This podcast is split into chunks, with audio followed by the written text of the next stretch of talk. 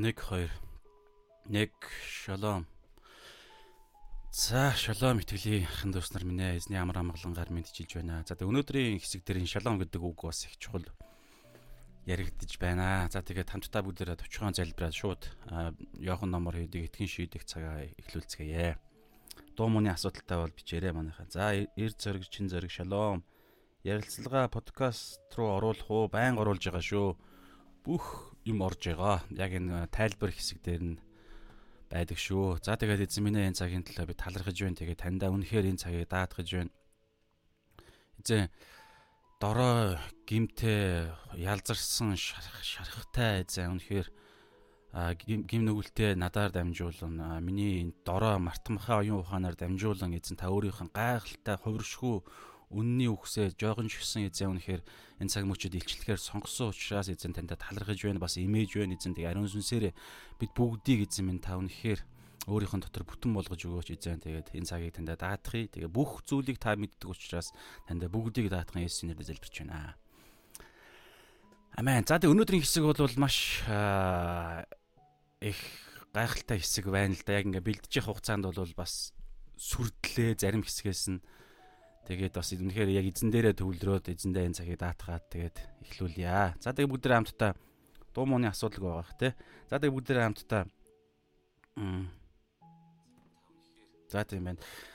Уншия бүгдээрээ. За өнөөдрийн хэсэг бол Йохан 20-ын 19-с 23 гээд нэг 19 20 21 22 23 тавхан ишлэл байна. Гэхдээ маш олон зүйл энд яригдж байна. Тэгээд хамтдаа шууд орё. За Иохан 20:19-оос 27. За өнөөдрийн хэсэг Матай 28:16-аас 20, Марк 16-гийн 14-өөс 18, Луг 24-ийн 39-оос 49 гих мэтчлэн дөрвөн сайн мэдээний ном дөрүүлэн дээр нь байна. За уншлаа 19-оос Иохан 20:19-оос 23. 7 хоногийн эхний өдөр тэр өдрийн үдэш шавнар нь юдэчүүдээс айснаас үүдээ түгтсэн байв. Есүс ирээд тэдний дунд зогсож тэдэнд амар амгалан та нарт байх болтугай гэв. Үүнийг айлдаад тэр тэдэнд гар хажуугаа үзүүлв. Шавнар нь эзнийг хараад ихэд баярлав. Есүс дахиж тэдэнд амар амгалан та нарт байх болтугай. Эцэг намайг илгээсний адил би бас та нарыг илгээн гэв. Үүнийг айлдаад тэр тэдэн рүү үлээн ариун сүнсийг хүлээн авахтун. Та нар хиний нүглийг уучлан тэд уучлагдана. Та нар хиний нүглийг үл уучлан тэд үл уучлагдах болно гэж айлдав. Амен. За тэгээд 19-ийн эхний өгүүлбэр дээрээс шууд харагдаж байгаа 7 хоногийн эхний өдөр. Есүсийн амилсан өдөр. Өнөөдрийн бүтэнсэ өдөр. Тухайн үеийнхаа Шабат өдрийн маргааш буюу 7 хоногийн эхний өдөр. За тэгээд орой гэж байгаа. Яг тэр өдрийн үдэш орой. Гэхдээ бид нар мэдж байгаа. Дараагийн 7 хоногийн 2 дахь өдөр бол оройны 6 цагаас ойролцоогоор эхэлдэг. Нар мандах үед. Тэгэхээр 6-аас өмнө гэсэн үг 6-аас өмнө гэсэн үг те. 6 цаг болох болох гэж байна. За тэгээд 7 хоногийн эхний өдрийн орой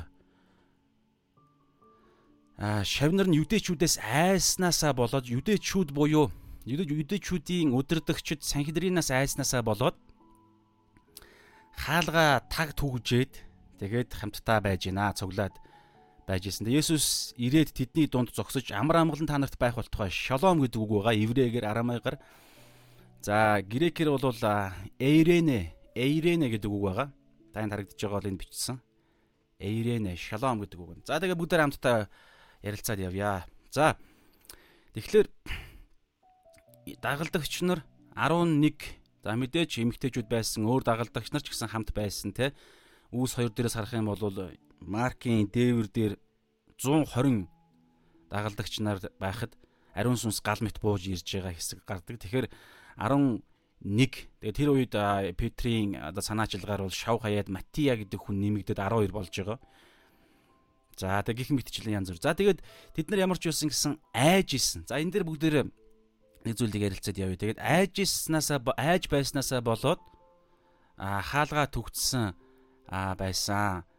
Тэгээд бүгдээрээ өмнөх хэсгээ санах юм бол За энэ хэсгээс за ингээд Матай, Марк, Лук, Йохан бүгдийг нь ингээд ерөнхийдөө базаад ингээд энэ одоо энэ өнөөдрийн энэ үйл явдлаас өмнө Есүс хит хитэг хүнд өөрийгөө харуулсан шүү дээ.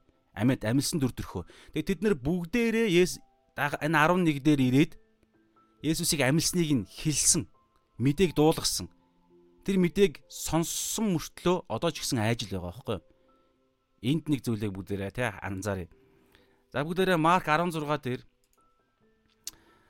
аа за Матай 17-гийн зааж байгаараа бүгдээрээ шууд Марк 16-ыг эхлэе орё. Марк 16-гийн 9-с 14 дээр нэг хэдийн хэсгийг харъя бүгдээрээ. За дараа нь одоо энэ Марк 16 дараа ерөнхийд нь ингээд яг цомготгдсон байгаа. Их гоё гараад ирцэн байгаа. Хідэн хүнд Иесус харагдсан байна ойролцоогоо. Энэ яг энэ Марктай тэмдэглэгдснээр. За дараа нь 11-ийн шавнар тухлан За болоогүй. Бүгдээрээ 9-с.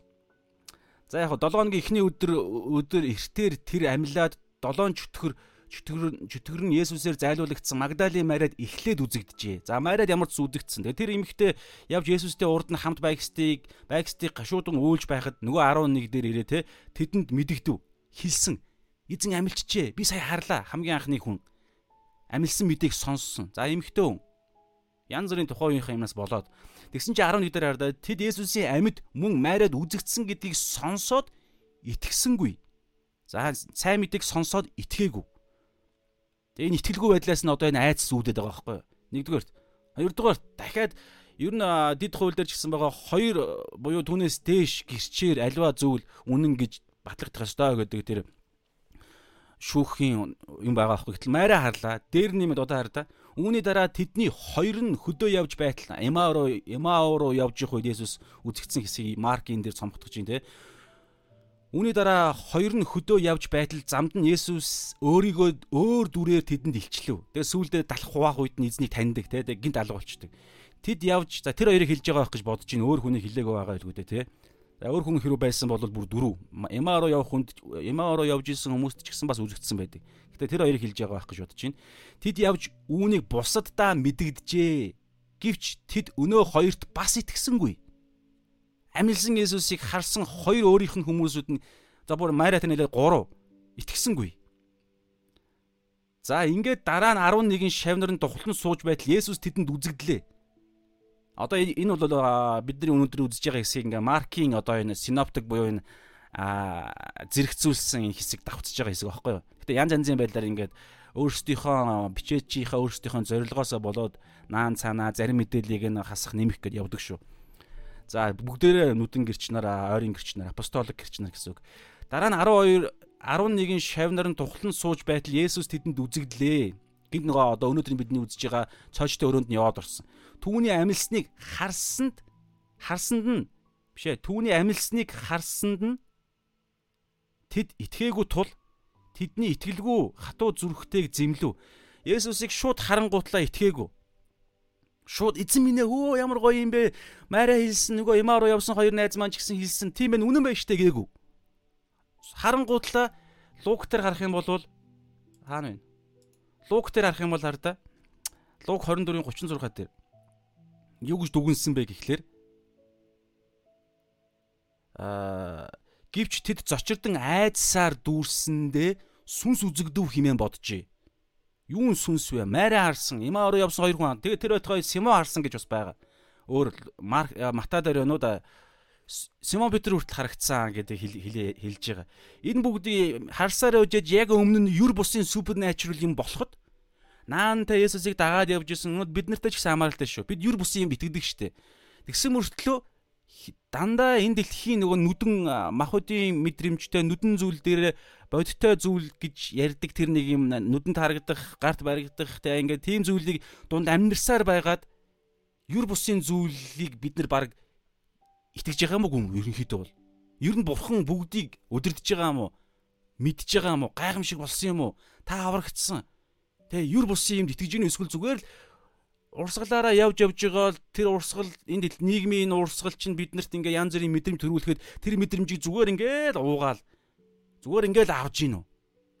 Тэгээ ингээд иймэрхүү байдалтай явж байгаа одоо хүмүүс байгаад байгаа байхгүй 11 гурван хүн сайн мэдээ Есүс амилсан сайн мэдээг хэлсээр байдалд нь итгэхгүй байсан. Гэтэл Есүс өмнө нь өөрөөсөө гарч ирэхэд хүртэл итгэхгүй эргэлзэж байгаа.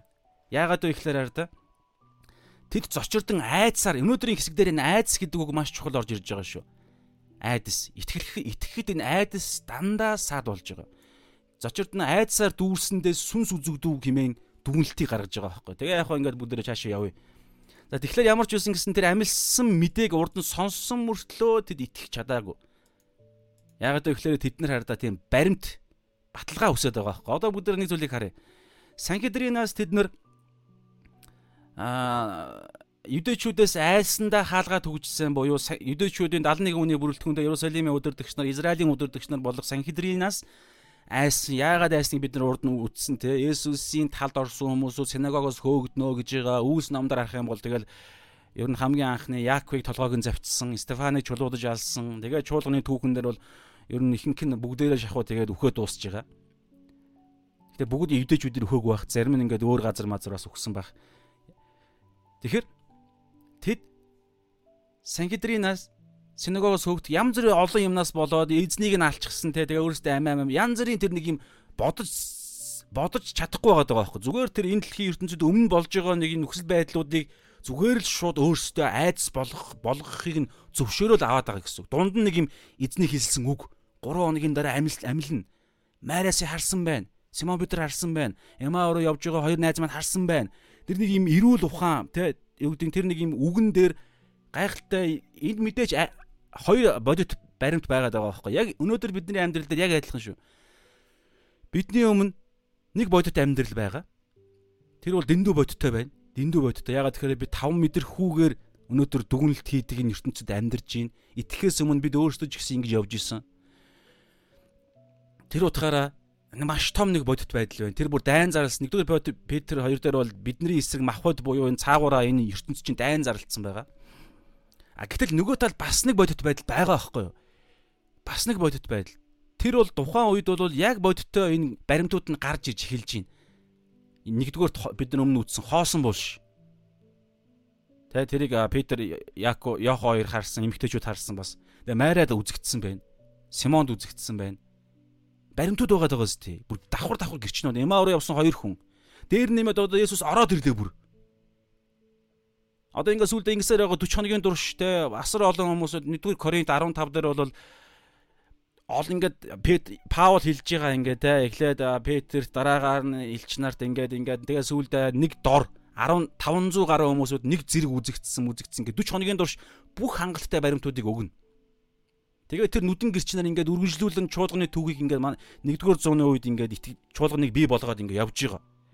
Тэгээ мэдээж цаг хугацааны ясаар ингээ бүгд үхэн штэ. Тэгвэл нүдэн гэрч нарыг нарт итгээд итгэх үед ариун сүнс нь орж ирээд тэд нар бас ингээ бодиттой үе үеийн чуулган чуулганы 100 100-ны ингээд итгэгч нар ингээд амьдралаараа бодиттой амтаж туулсан юм а итгэлээрээ ингээ яваал байгаа. Яг бодиттой нүдэн гэрч нар яг дараа дараагийн үеийн нүдэн гэрч нар биш ч гэсэн сүнсээрээ амьдралаараа махбодороо эдгэрлээрээ янз бүрийн гэрчлэлээрээ гэрч нар болоод ингээ яваал байгаа. Өнөөдөр ингээд Еврэ 10 3 дээр үлээ те 12 дээр 12-ын 1 дээр байна да. Бидний эргэн тойронтой гэрчлэлийн үлэмж агуу үүл байгаа бидний эргэн тойронд. Тэгэхээр энэ одоо жишээ нь би нэг гэрч нь байна таны хувьд. Тэгэхээр та бас миний хувьд нэг гэрч. Тэгээ боломжоор ингээд бид нар ингээд нэг юм хичээгээд байна. Монгол жуулган ингээд хичээж чинь те. Тэгэхээр энэ болгоныг ингээд хараад бас нэг бодит байдал гэж та харж уу? Эсвэл Зүгээр л таны ажил дээр чинь тантай харьцаж байгаа хүмүүс гэр оронд чинь байгаа элдв янзын хавчлага мавчлага ч юм уу эсвэл янз бүрийн тэр нэг юм нэг энэ л бодит байдал. Чуулганы итгэгч нарын дунд энэ community гэж ярьж байгаа энэ нөхөрлөл энэ гэр бүлийг та бодит байл гэж харж уу? Энэ гэр бүл чинь эхлээд явхаараа эхлэн хаана байгаа гэхээр одоо энд тэр юр бусын супернатурал хинжлэг ухаанаас бүр давсан бүр юу вэ бүр ингэ дэлхий бүр зочиртохоор аимшигтай бөгөөд гайхамшигтай мэдээнээс эхэлсэн энэ гэрчлэл гэрчлэл гэрчлэгч нар байхгүй бид нар чинь.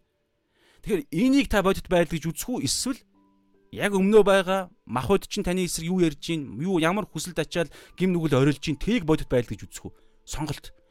Энэ хоёр сонголттой юм шиг харж байгаа нь өөрөө эргэлзээг үүсгэж байгаа байхгүй. Одоо бүгдээр нэг хэсгийг харъя. Дандаа нэг юм гарч иж байгаа гарч ирдэг. Хоёр факт хоёр бодит байдлыг хараад алийг нь алин дээр нь анхаарлаа фокусаа тавьж байгаас шалтгаалаад үр дагавар нь гараад байгаа байхгүй. Одоо бүгдээрээ Матай 14 дээр нэг юм харъя л да. Петрийн усан дээр алхдаг хэсгээс энд маш тодорхой харагддаг. Матай 14-ийн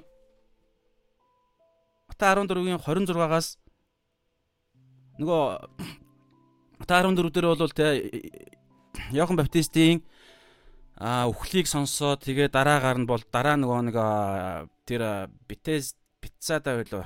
Бицайда хотын цаахан талны хээр газар очиод 500 5000 ирчүүд за дээр эмгтээчүүд хөвгүүд нэмэгдээд 15-аас 20 мянгад хүмүүсүүдийг хоолдог үйл явдал болно. Тэгээд орой болдог. Тэд нэр буцахдаа Есүс тэр хойшоогоо уул руу залбирахаар явдаг. Дагалдагч нар нь тэг төрүүлээд явах яваа тэг Галил нууранд болж байхад тэнд шуурга үүсдэг.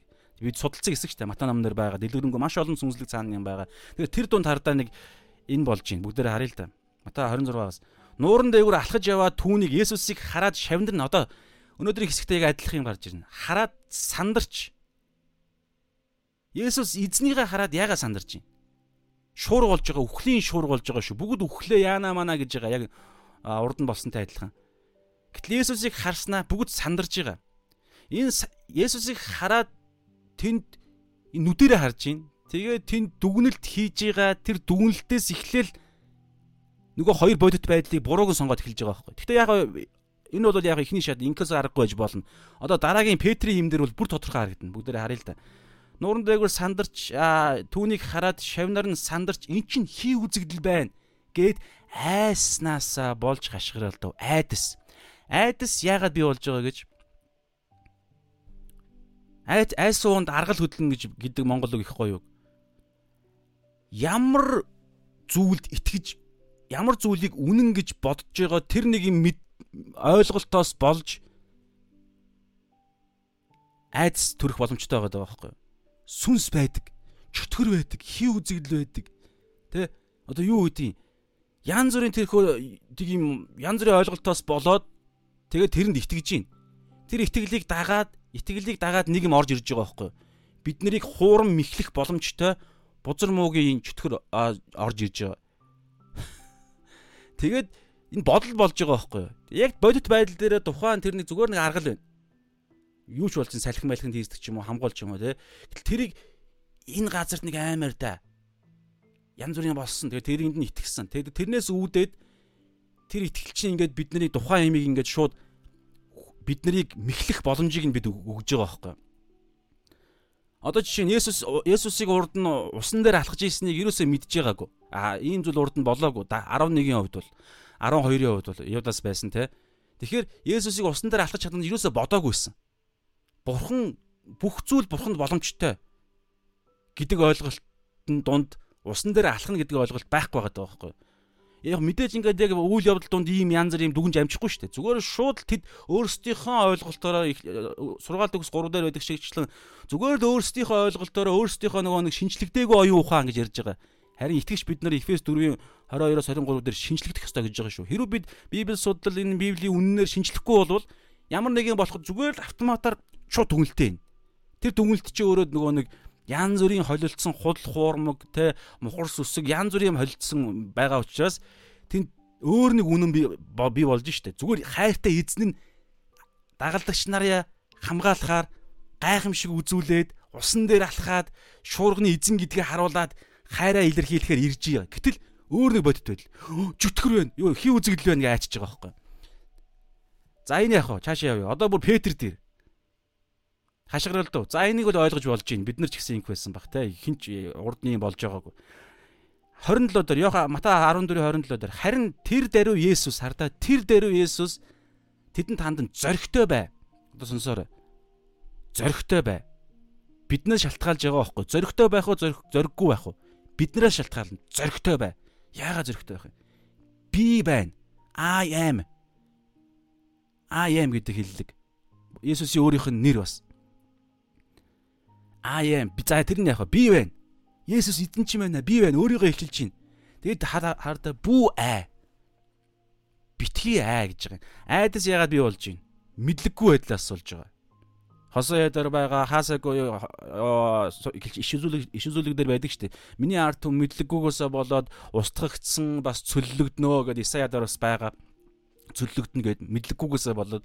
Тэгэхээр Библийг мэдэхгүй, үннийг мэдэхгүй яваал байвал болноо аврал алдахгүй юм чинь асуудалгүй гэл нэг иймэрхүү нэг юм хүүхдийн юм яриад бид нар яваал байвал библийг судлахгүй байвал энэ дэлхий дээр айдаггүй байхыг та хүсэж байгаа үстэй. Айхгүй санаа зовхгүй ягаад тэр энэ дэлхий чинь асар олон юм муухай муухай янз бүрийн байхад тэр дунд яаж хүн айхгүй явах юм яаж хүн санаа зовхгүй явах юм зөвхөн Есүстэйгээ нэгдсэн эзнээ мэдэх мэдлэг үнэн та нарыг чөлөөлнө гэж Йохан 8-ын 32 дээр байгаа шүү дээ. Бас 1-р Йохан 1 дээр ч гэсэн байгаа. Үнэн бид гэрэл буюу тэр үнэн дотор Христийн цус бид нарыг чөлөөлдөг, цэвэрлдэг.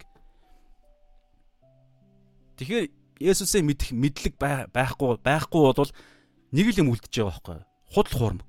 Мэдлэггүй байдал буюу худал хуурмаг. Тэгээ худал хуурмыг чинь дагаад энэ дэлхийн 2 дугаар Корин 4-4 дээр хэлж байгаа чинь энэ дэлхийн бурхан нь болох чөтгөр бид нарыг шууд мэхэлж эхэлнэ. Тэгэхээр мэхлэл чинь бид нарт айдас оруулж ирээд байгаа. Айдас орж ирэхээр яаж байгаа гэхээр эргэлзээ үүснэ. Эргэлзээ чинь ихтгэл цаад болоод байгаа байхгүй. Цаана гол юм нь айдас. Айдас чинь биднийг эргэлзүүлээд эргэлзээ чинь хоёр юм ярьж штэ. Одоо Петр дээр гарч ирнэ. Энэ энэ үний юм уу? Энэ үний юм уу? Эргэлж эхэлж байгааз. Есүс энэ өмнө яваад байгаа дүр төрх хий үзэгдэл юм уу? Есүс юм уу? Одоо өнөөдөр Майра хэлсэн өнөөдрийн хэсэг дээр Майра хэлсэн, Имаар явсан хоёр хүн харсан, Симон ч гэсэн харсан. Тэгээ өмнө Есүс зогсож чинь энэ нөгөө өмнө энэ мэдээллүүдээр тулгуурлаад энэ амилсан эзэн маань юм уу эсвэл зүгээр л энэ дотор энэ өөрийнхөө мэдрэгж мэдрэгдэж байгаа мэдрэмжээ үнэн гэж ойлгоод Есүсийг чөтгөр гэж үзэх юм уу? Хий үзэгдэл гэж үзэх юм уу? Чөтгөрийг нуушлаарай. Тэгсэн шүү дээ. Лук тэр Есүсийг харангуутлаа, амилсан Есүсийг харангуутлаа. Гэвч зочирдон айцаар дүүрсэндээ сүнс үзэгдүү хэмээн бодчихэ Есүсийг амилчаад байхад. Тэгэхээр эргэлзээ үүсгэж байгаа байхгүй. Тэгэхээр одоо энэ дээр хардаа Матай 27 20 14 дээр одоо 27-аас шааш уншия. Харин тэр дээр Есүс тэдэнд зоригтой бай, би байна, бүү аа гэж хэлж байна. Битгий айдсын эсрэг хамгийн гол юм чинь үнэн илчлэгдэх. Тэгээд тэрэн дээр үнэн өөрөөс зоригтойгоор сонгох. Мэдээж энэ талд айдс чинь бас зоригтой бодиттой факт байгаад байна. Гэтэ бас нэг факт байгаа нь. Тэр нь Есүс байна үнэн байна. Энийг үнэн гэж зоригтойгоор тэр айдсын мэдрэмж чинь үнэн шүү дээ. Мэдрэгдэжсэн ч гэсэн зоригтойгоор эрх чөлөөт сонголтойгоор эрх чөлөө та нарыг эрх чөлөөтэй болгохын тулд чөлөөсөн гэж байгаа шүү дээ. Тэрийгээр зоригтой Есүсийг зүгээр ингээл яавал яг гэж сонгох хэрэгтэй байгаа байхгүй. Тэр үед аа нөгөө нэг айлгаад байсан худал хуурмагч нь сарнина. Яг энэ энэ чинь өөрөө тулааны амьдрал байгаа байхгүй. Итгэлийн тулаан. Тэгэхээр зөв заваа мэдчихижил хүн тэрийг энэ рүү би явъя гэж штэ. Тэгэхээр Библийг судлахгүй аа тэгээ эзэнтэйгээ интимэси буюу дотн харилцаанд эзнийгээ таньж мэдэхгүй бол нэг л бодит байдал итгэж хүний амьдрал байгаад байна гэсэн үг шүү дээ. Аврагдсан аврагдсан юм яриаггүй. Аврагдсан хүний хувьд ч ялгаа байхгүй. Сүнсээрээ төлөвшөхгүй балчгаараа байгаад их юм бол өмнө нэг л юм байгаа гэж ярина. Библиэд судлахгүй бол юу гэхээр зүгээр л амьдрал дээр таны махуудыг чинь оюун санааны чинь мэдрүүлж байгаа, дотор чинь төрж байгаа дуршлаг муршлаг дурсамж муурсамж бүх юмнаас чинь гарч ирж байгаа нэг бодит байдал. Өөр танд бодит байдал та гаргаж иж чадахгүй шүү дээ. Мэдээж ариун сүнс ингээд ятхан. Тэгтээ ариун сүнсээ хүртэл сонсч чадахгүй шүү дээ. Нөгөөх нь илүү орилж байгаа юм чи яах юм. Тэр утгаараа ярьж байгаа. За одоо тэнгуүлээ Петр түнд эзэн хэрв та муу юм бол Одоо арда энэ дээр бол батхаа шалгаж чинь. За яг хөө шалгах л дээ те Петр. Би байна бүү аа гэж хэлсэн. Гэтэ мэдээж юр бус юм болж байгаа учраас те баталгаа хүсэж штэ. Эзэн хэрв та муу юм бол усан дээгүүр алхаж тань дээр очихыг надад тушаагач гэхэд мэдээж гоё. Энэ бол үнэхээр гоё те. Мэдээж цаана олон юм байгаа. Есүс ир гэлээ. Петр завнаасаа гарч усан дээгүүр алхлан Есүс рүү яв. Алхлан. Алхан гутаа эхнийхээ хөлөө 50 гутлаа гэж хэлээгүү. Хит хит алхсан байгаад байгаа байхгүй. Гайхамшиг болсон гэсэн үг. Гэхдээ одоо анзаарч байгаарай. Одоо эндээс хоёр бодит байдал фактын Петр бурууг сонгоно. Тэндээс нэг юм үүднэ. 30-аас харин Петр ширүүн салхи хараад Есүсийг хараад алхаж исэн. Над Есүс рүү над руу ир гэсэн. Есүс алхах. Есүсийг хараад алхаж исэн. Нэг алхсан, хоёр алхсан. Гоё юу? Ямар гоё юм бэ? Гэтэл мөрнийх нь цаахан талд, баруун ч юм уу зүүн талд нь нөгөө нэг өмнөх бодит байдалд харагдаад ирсэн. Нүд. Өмнөх дурсамж, мурсамж юу байдгийг үйлцсэн гим нүгэл сатан биднийг яаж буруутгадаг вэ? Бодиттой гим нэг үл үлдсэн тэр чинь үнэн байж болно. Гэтэ өөр бас нэг бодиттой байдал байгаа байхгүй юу? Өмнө Есүс зогсож байна. Тэнд нэг юм шилжилт гайхалтай бас нэг хуучны өмнөх те а үнэн үнэн Есүс илүү үнэнгээр одоо далдалж эхэлж байгаа байхгүй. Тэгэхээр алинд нь итгэх юм бид нар. Энэ дэлхийн ертөнцийн аймаар байна, муухай байна. Би өмнө өчигдөр гим нүгэл үлдсэн, уржигдөр гим нүгэл үлдсэн. Би тэгж муухай байсан, тэгж хүнийг хохирооссон. Янз бүрийн байгаа. Тэрүүгээрсэн сатан биднийг ингээл дандаа ингээд яаж идэг? Буруутгах идэг. Гэтэл Йох 10 13-аас 16 17 дөрөвдөө юу хаанч энэ тэр хавцаа байгаа. 13 14 хавцаа байгаа. Юу гэж байгаа гэхээр Йохан 13 14 дөрөв бүлэг хавцаа байгаа. А одоо энэ энэ ертөнцийн захирагч Биш энэ дэлхийн ертөнд шүүхтэх гэж байна. Удахгүй энэ ертөнцийн захирагч зайлуулагдах болно гэж хэлж байгаа. Загалмай үхэл дээр загалмай дээр тийм болно гэж. Юу ихлээр загалмай дээр сатаны бурхны хуулийг үннийг ашиглаж бид нарыг буруутгадаг байсан. Үнэн шүү дээ бид гимтэй. Үннийг ашиглаж бид нарыг буруутгаж ялдаг байсан тэр эрхийг нь Есүс загалмай дээр булааж авснараа шүүх танхимаас чөтгөрийг сатаныг зайлуулна гэж байгаа байхгүй юу? Зайлуулчихсан хуулийн дагуу, Бурхны хуулийн дагуу бид буруутгагдахгүй болцсон байхгүй. Хэрвээ та Есүс итгэж өдөр бүр загалмайгаа үүрэх буюу өдөр бүр өөрийгөө хуучин хүнээ хүслээ өхүүлж Есүсийн үхэлтэй амьлалтай нэгдэх гэ цаана чухал олон юм байгаа. Тэгдэг үнэхээр Есүсийг эзнээ болгоод явж байгаа хүн мөн л бол Есүсийн загалмай хаанчлалын зорилгыг өөрийнхөө амьдралынхаа зорилгоо болгоод явж байгаа мөн л бол өөрөө амьдралынхаа эзэн биш зөвхөн Есүсийг амьдралынхаа эзэн буюу Библиэр илчлэгддэг шүү дээ. Тэгэхээр түүнийг эзнээ болгоод явж байгаа мөн л бол бид хууль ёсны дагуу бодиттой фактын дагуу шин гэрээний дагуу хүн төрлөختөн бурхны бурхны орнд байгуулсан шин гэрээний дагуу бид ямар ч нүгэлгүй болсон. Энэ нь ирээдүйн нүгэл чинь маргааш таны хийгдэх нүгэл чинь өөртөл орсон. Гэтэл Петр яаж ийн? Өмнөө байгаа энэ Есүсийг харахгүйгээр мөрний мөрнийхэн цаана харагдаж байгаа өнгөрсөн рүүгээ ирж хараад байгаа байхгүй юу? цаана байгаа ширүүн сахийг хараад айж байгаа. Айдас. Худ хуурмаг бид нарыг айлгадаг. Тэр өөр юу ээжлэх вэ? Коронавирус байна. Улс төр Монголын улс төр өстө баларлаа. Ингэж юм бодиттой байдлаар баларж ич болно. Гэтэл бид энэ дэлхийн ертөнцийн дээр амьдардаггүй. Филиппо 3-ын 20 дээр бидний иргэний хариалал энд байхгүй. Бид зүгээр энд нэг оногцсон хугацаанд нэг хийх ёстой юм хийгээл гэртээ харин тэнд бидний бүх юм байгаа. Тэгэхээр энэ дэлхий дээр угаасаа энэ дэлхий дээр сүрнэ. Шинжлэх ухаан хүртэл тэр энергийн эрчим эрчим хүчний хууль гэдэг гурван хуулийн аль нэгэн дээр би нэг алиг нэг харыг мартчихад байх юм. Угаасаа цаг хугацааны аясаар энэ дэлхийн ертөнцийн агаар мандал дотор бүх эд материал, матер бүгд ялзарч байгаа гэж байгаа байхгүй юу? Тэгэхээр угаасаа энэ дэлхийн ертөнцийн шүүрж байгаа. Тэгэхээр энэ сүрж байгаа дэлхийн ертөнц дотор Есүсийн хаанчл байгуулагдсан. Тэгэхээр аль хаанчлалыг та бодтой гэж явах юм? аль ирэх ашгаа аль эзнэ гэсэн үг шүү дээ. Өөрийнхөө хүслээ юм уу эсвэл бурхны хүсэл буюу Есүсийн хүслийг өөрийнхөө хүслээ болгоод амьдрах юм уу эсвэл өөрийнхөө хүслээ. Хэрвээ бидний хүсэл гэвэл Петрийн ийм л юм хийнэ гэсэн. Шууд айц төрнө. Энэ дэлхийн ертөнц чинь гадуур шууд айлах нугасаа. Тийм бодит байдал байгаа. За тэгээ хараад айсандаа живж эхэлж байгаа юм. Шууд бодиттой үхэл тул. Үхлийн аюул эхэлж эхэлж штэ хоёр бодит байдланд энд нэг юм зөрчилдөөн үүсэж байгаа. Тэгээд хардаа эзэн намайг авраач. За яах юм эзэн байгаадаа үнэхээр залбирж ин те. Эзэн угаасаа аварна. Тэгтээ энэ хардаа энийг өөр нэг давуу тал юм байгаа байхгүй юу? Заавал ингээл те нэг юм алдаа гаргаал бид ингээл бүдрээл ингэхгүйгээр Библийг судлаад, эртхэн шиг Библийг судлаад, эртхэн шиг үннийг ойлгоод, сүнс ба үннээр эртхэн шиг жинхэнэ фактн дээр бодит байдал дээр тулгуурлаад явбал заавал живж мивэл заавал те гэр бүлэн салаал заавал нэг өвчин тусаал заавал нэг гим нүгэл гунж бүдрээл ингэх албагүй байхгүй. Гэтэ ингэсэн ч гэсэн эзэн одоо энэ Петрийг нэг үлсээ шууд аварна л да залбирт хариулна. Гэтэ заавал ингэж живэх албагүй байсан шүү дээ. Тэг шаардлагагүй байсан. Одоо хараа Есүс түн тэр даруй гар тэр даруй шууд гараа сунгаал зураад аварж ийн л да мэдээж гоё юм. Гэтэ хараа өчүүхэн ихтгэлтэн минь гэж аа энэ өчүүхэн итгэл гэдэг дээр нь хэмжээ нэх ярьдаггүй шүү.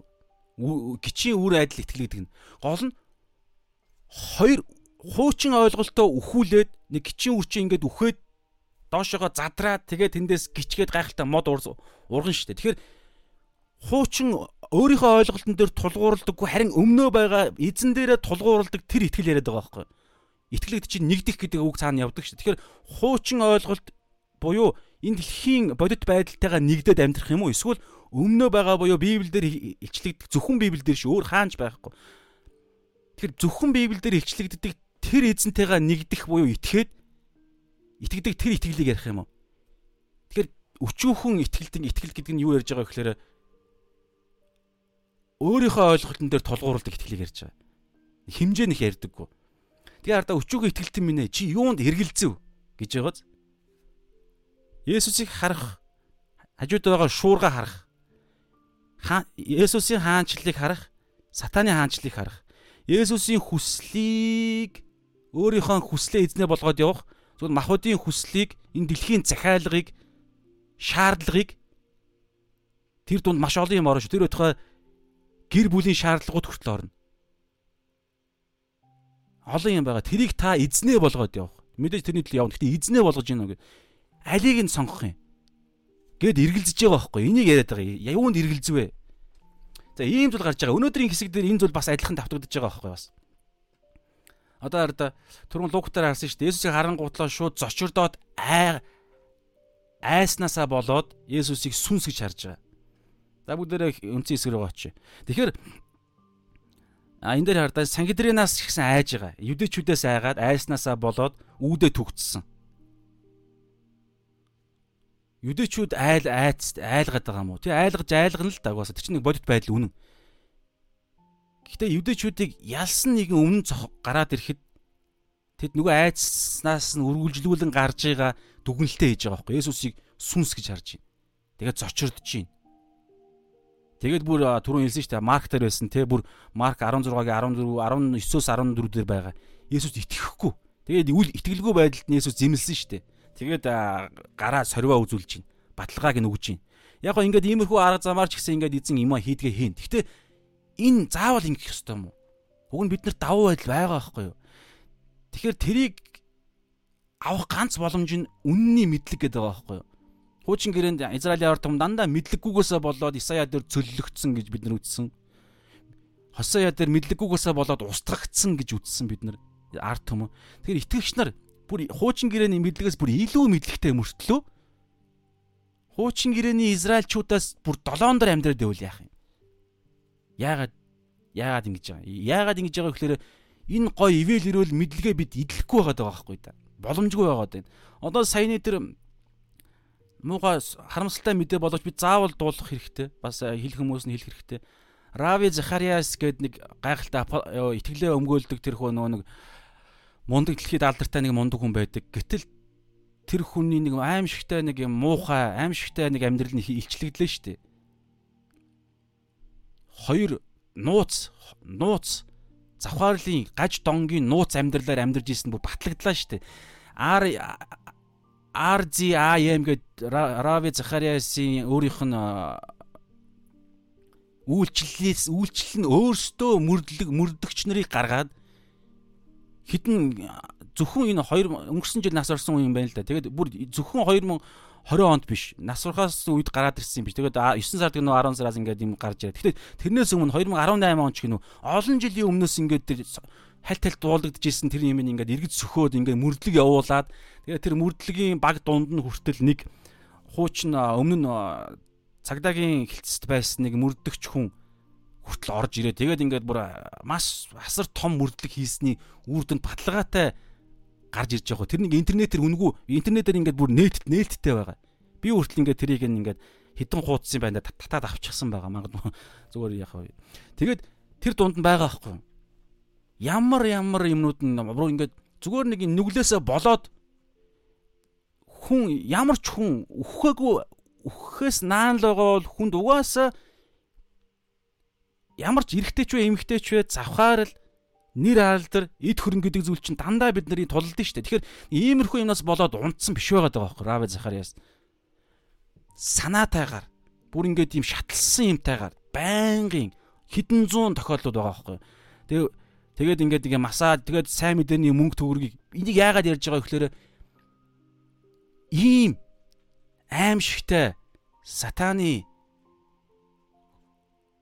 ажиллагаа явагдаж гин мэдэгдэхгүй явагдсаар байгаа байхгүй хинч хинч Захария Раве Захариас тийм хүн гэж мдээгүй байгаа байхгүй бүгд бүх дэлхийн ертөнцийн те одоо итгэгч нар бол бүгд хүндэлж түүний номыг нь бүр гайхалтай ямар ямар гэрлэлт бурханлаг гэрлэлт мэрлэлт гэж гайхалтай ном зам гаргадаг мундаг хүн байгаад байгаа байхгүй.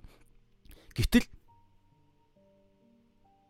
бүр нэг эмхтэй гарч ирж байгаа байхгүй. Тэр ингээд тэгээ тэр эмхтэй ингээд бүр ингэж гарч иж өөрийгөө тэр Раве Захариагаас болоод өөрийгөө ямар аимшигтай гэр бүл нь яаж хөрсөн бүр гэр бүлээ юунаасаа гэрээсээ нүхээс аргагүй болсон гэж байгаа байхгүй. Тэгээд бүр мөнгө төгрөг эдийн засаг те нэр хүн найз нөхд нь бүгд түүн рүү ингээд дайрч эхэлсэн. Гэр нь нөхөр нь хүртэл янз бүрийн болсон болсон гэд асар их хогсон ч гэсэн тэрийг ганцаараа ил гаргаж ирж байгаа. Өөр нэр байхгүй. Ганцхан тэр эмхтэйг нэр байгаа байхгүй. Тэгээд тэгснээс тэгж тэр эмхтэй гарч ирснээс болоод цааш нь судалгаа явуулсан чинь бүр цаанаас нь аимшигтэй юм гарч ирж байгаа байхгүй Равэ Захариасын амьдрал. Эмэгтэйчүүдийг хүчнэтсэн байна. Тэр массажийн юунаас болоод массажистийн тэр нэг юм сайн мэдээний хөрөнгийг сайн мэдээний өргөлөөрөөс сайн мэдээнийхэн дээр RZIM гэдэг тэр RZIM гэдэг тэр сайн мэдээний үйлчлэлт нь ингээд хүмүүс бурханд өргөл өргөн шүү дээ. Тэрийг ашиглаж массажистийн өөрийнхөө тэр хөрөнгө мөрөнгө оруулаад яан зүр юм ярьж байгаа байхгүй бүр аим шигтэй бүр ингээд. Тэгэхээр тийм зүйл хүртэл явж байна.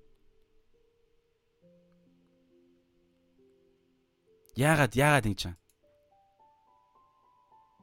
Итгэгч нар бид нар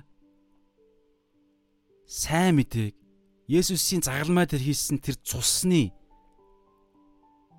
ариун сүнсний хүч ямар хүчтэй гэдгийг бид энийг судалж, мэдэж, оюун санаагаа шинчилж, түүгээр зоригтойгоор хүүхчийг итгэлж бас ярьдаг. Заавал баримттай биш. Есүсийн үгэн дээр зөвхөн Есүсийн үгийг эцсийн баримт гэж үзээд тэрний дагуу шууд хийдэг. Тэгж явсны хариуд нь Еврэ 11-ийн 1 дээр хэлж байгаачлан итгэл нь найддаг зүйлсийн бодит бол харагдахгүй зүйлсийн баталгаа буюу биднэрт ямар гайхалтай эрх чөлөөд Ром 8:32 биш ээ Иохан 8:32 1-р Иохан 1:7-оос 8 дээр хэлж байгаачлан тэр гайхалтай Есүсийн цусны эрх чөлөө, цэвэрлэгээ тэр зүйлийг бид амтлана. Гэтэл ийм гайхалтай юм байсаар байтал энэгээр явахгүй болохоор энэ Раве Захариа митийн бидэн дээр бүр маш аюултай биднэр дээр байгаа шүү тийм мундаг хүн тэгж яхад бидний өмнө бүр хаяанд ирцсэн яг хажууд чинь энэ аюул байгаа гэсэн. Библиэс судлаад гоё юм ярьдаг мөртлөө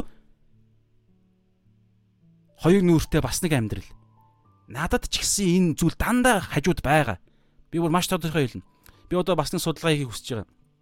Яаж хүн итгэгч хүн дахин төрсөн хүн яаж махуудын хүсэлт ачаал энэ дотор зөндөө юм орно. Залхуурал, уур хилэн үзэн яадал тэгэл те цаашаа гүнзгэрх юм бол завхаарлууд элдв янзын гаж донгууд бүр дон гэдэг чинь ингээд нэг юм бүр өвчин байгаад байгаа байхгүй бүр. Тэгэхээр тэр бүх зүйлсүүдийг дахин төрсөн хүн яаж ялах юм бэ? Боломж байгаа мó боломжтой. Тэгэхээр бид энийг судалж мэдж тэргээр оюун санаагаа шинжилээд зоригтойгоор бүр ингээд хэлж байгаа шүү дээ библиэлд бас. Та нар диаволыг эсэргүүц. Тэгвэл тэр танаас зайлна. Тэр эсэргүүцэхэд чи яаж ч бүр тулаан байгаад байгаа байхгүй. Тэр тулаан болааны хийхгүй зүгээр ингээд урсах юм бол өө энийг чи ашиглаад хоёр нүртэй Есүсийн загалмайн цус ямар ч хүчгүй юм шиг зүгээр шашин юм шиг ойлгох гээд байгаа байхгүй. Нөгөө нэг хоёр бодит байдал чинь бид алин дээр нь тулгуурлаж явах юм те. Тэгээ Петрийг харал та бүр яг бодиттой болж байгаа шүү дээ. Ийм янз бүрийн теологи болог ийм гүнзгий юм ярихгүй. Зүгээр өмнө нь Есүс зогсож чинь ир гисэн ганц хоёр алхаж үдсэн болж исэн. Тэгээд өөр ямар баталгаа хийхтэй. Яагаад хажуудаа байгаа тэрхүү Матай 14 дөрөв ярьж ийн л да. Есүсийн цаана байгаа тэр шуурганд итгэвчвэ. Яагаад тэрнээсээ болоод айдсыг өөртөө оруулчваа. Эзэн өмнө зогсож чинь хүрээд гэж хэлсэн үг нь байна. Үгээр нь явсан чинь Еврэ 11-ийн дагуу баталгаа нь байна. Алхаад нэг хоёр алхацсан. Тэг яагаад тэр хуучин юмд итгэвчвэ? Харж ийн энэ оюун санааны шинжилт хийгдэхгүй болохоор энэ тулаанч аюултай байгаа байхгүй. Тэгэхээр Забигас муура оруулаад байгаа.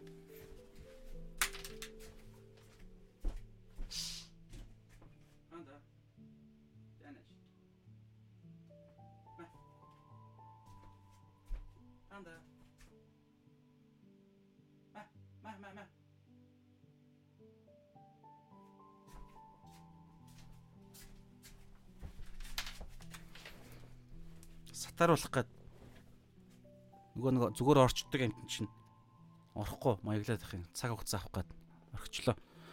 Жохон онгойлгоод оруул орно даруул даарна л бид нар ч гэсэн. За тэгж гинэ. Тэгж гин. Юу ярьж илаа. А тэгээд бүгд 19 руу гарыг. Тэгэхээр 7 хоногийн эхний өдөр тэр өдрийн үдэш шавнар нь юдэчүүдээс айснасаа болоод нэг бодит байд байсан. За орчлоо гэс.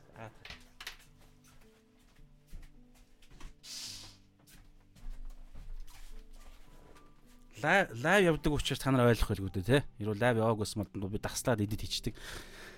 За тэгэхээр ийм байна итгэлийн ахын дус нар минь ээ. Би бас өөртөө хэлж байна. Биднэрт боломжтой шүү. Ямар ч гимгүү амьдрах. За мэдээж гим үйлдэн. Тэгтээ гим нүгэлд боолчлогдохгүй амьдрах буюу нөгөө гаж донгууд байна. Завхаарл, тамхи, арх. Өөр юу байдгийг одоо бүү мэд. Янз бүрийн донгууд Есүсийн цусаар энэ бүрэн ялсан. Бидний чөлөөтэй байхын тулд та нарыг чөлөөлсөн гэж байгаа шүү дээ. Паулын загтлууд дээр. Итгэж гинөө бид нар. Библи юуг нь итгэдэм үү?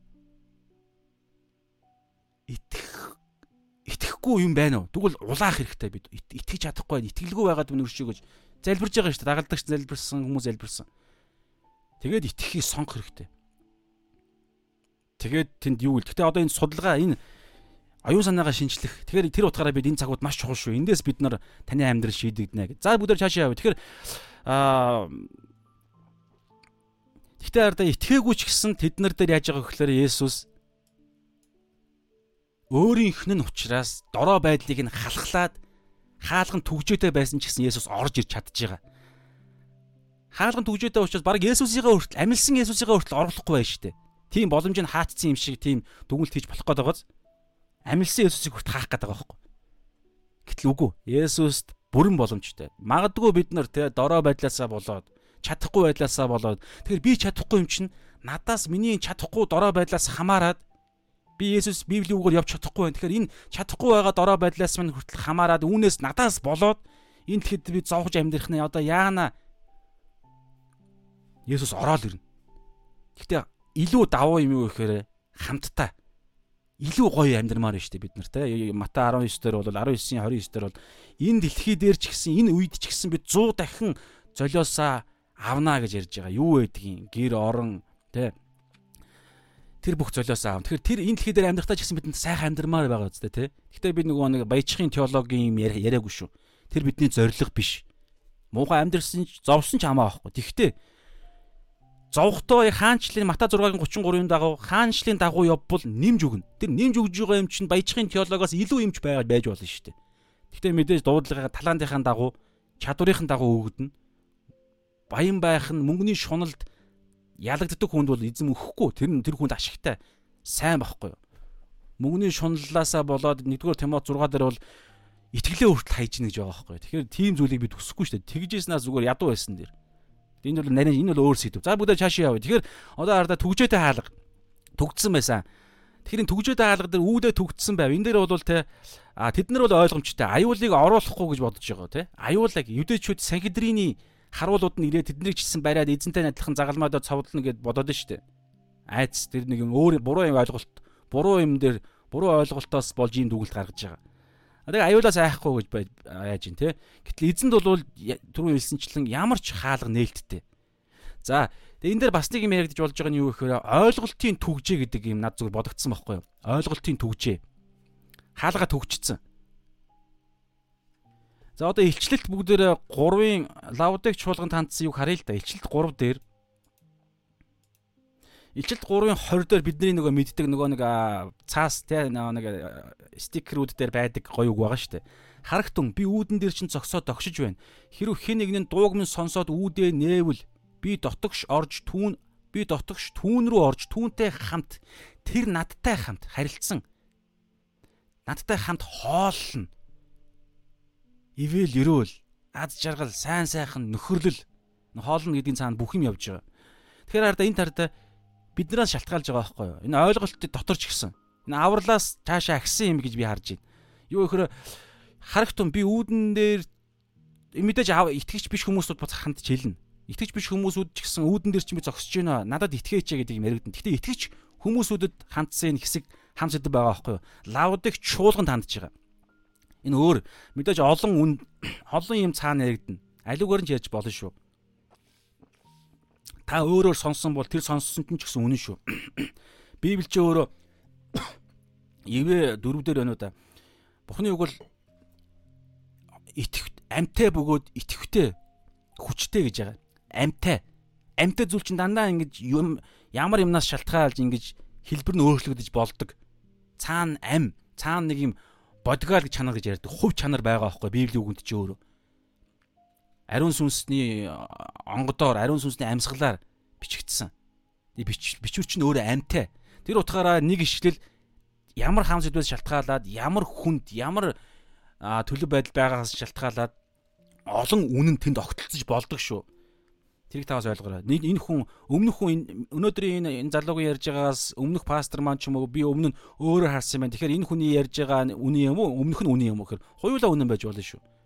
Олон үнэн цаана байна гэсэн үг хоёр талтай эртээ амтай гэж ярьж байгаа итгэвтэй. За тэгэхээр хараа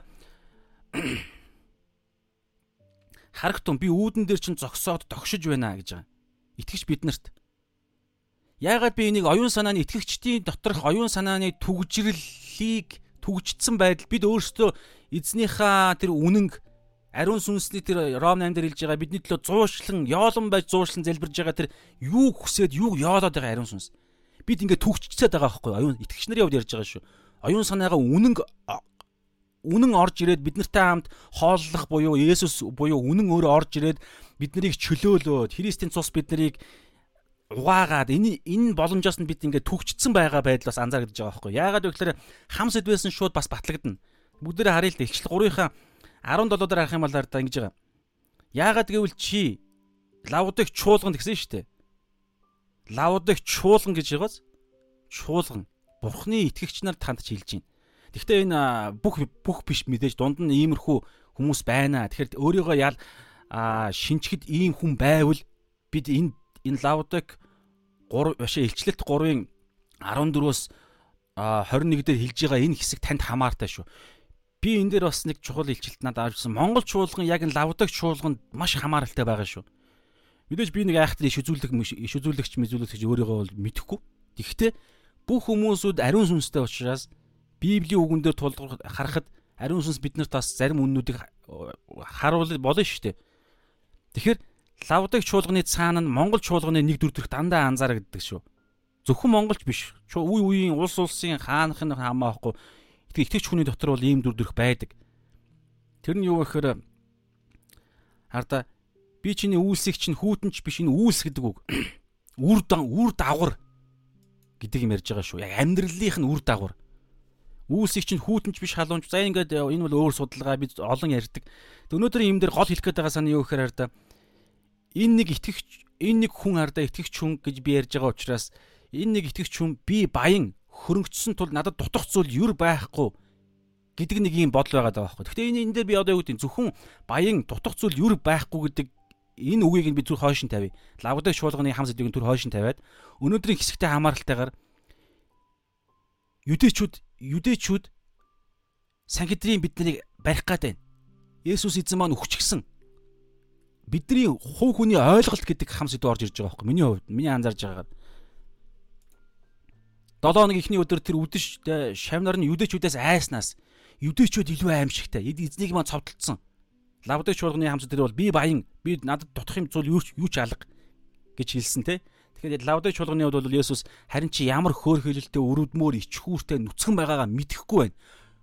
Өөр нэг бодит байдал байгаа байхгүй. Лавд харин бид өнөөдөр энэ дээр ярьж байгаа бол тэд нар айжийн яана эзэн нь үхчихлээ те булшны цогцыг нь хулгайлжчихсан айжийн нэг бодит байдал. Нөгөө бодит байдал нь үгүй ээ. Эзэн ялчихсан Есүс үхлээс амилчихсан яг өмнө чинь зогсож байна. Тэгэхээр өөрийнхөө ойлголтын дээр тулгуурлах юм уу? Есүсийн хэлж байгаа, сүнсний хэлж байгаагаар тулгуурлах юм уу те? Тэгэхээр энэ илчилтээр ингэж байгаа хараа. Я чи гэдэг гэтэл чи хөөхөр хэлтэй өрөвдмөр ядуу сохор нүцгэн байгаагаа мэдэхгүй байна. Тийм учраас баян болохын тулд асуудлаа шийдэхин тулд надаас те а хувцас худалдаж аав гэж байгаа. Цагаан хувцас худалдаж аав гэж байгаа. Нүдөө тослох досыг худалдаж аав гэж байгаа юм те.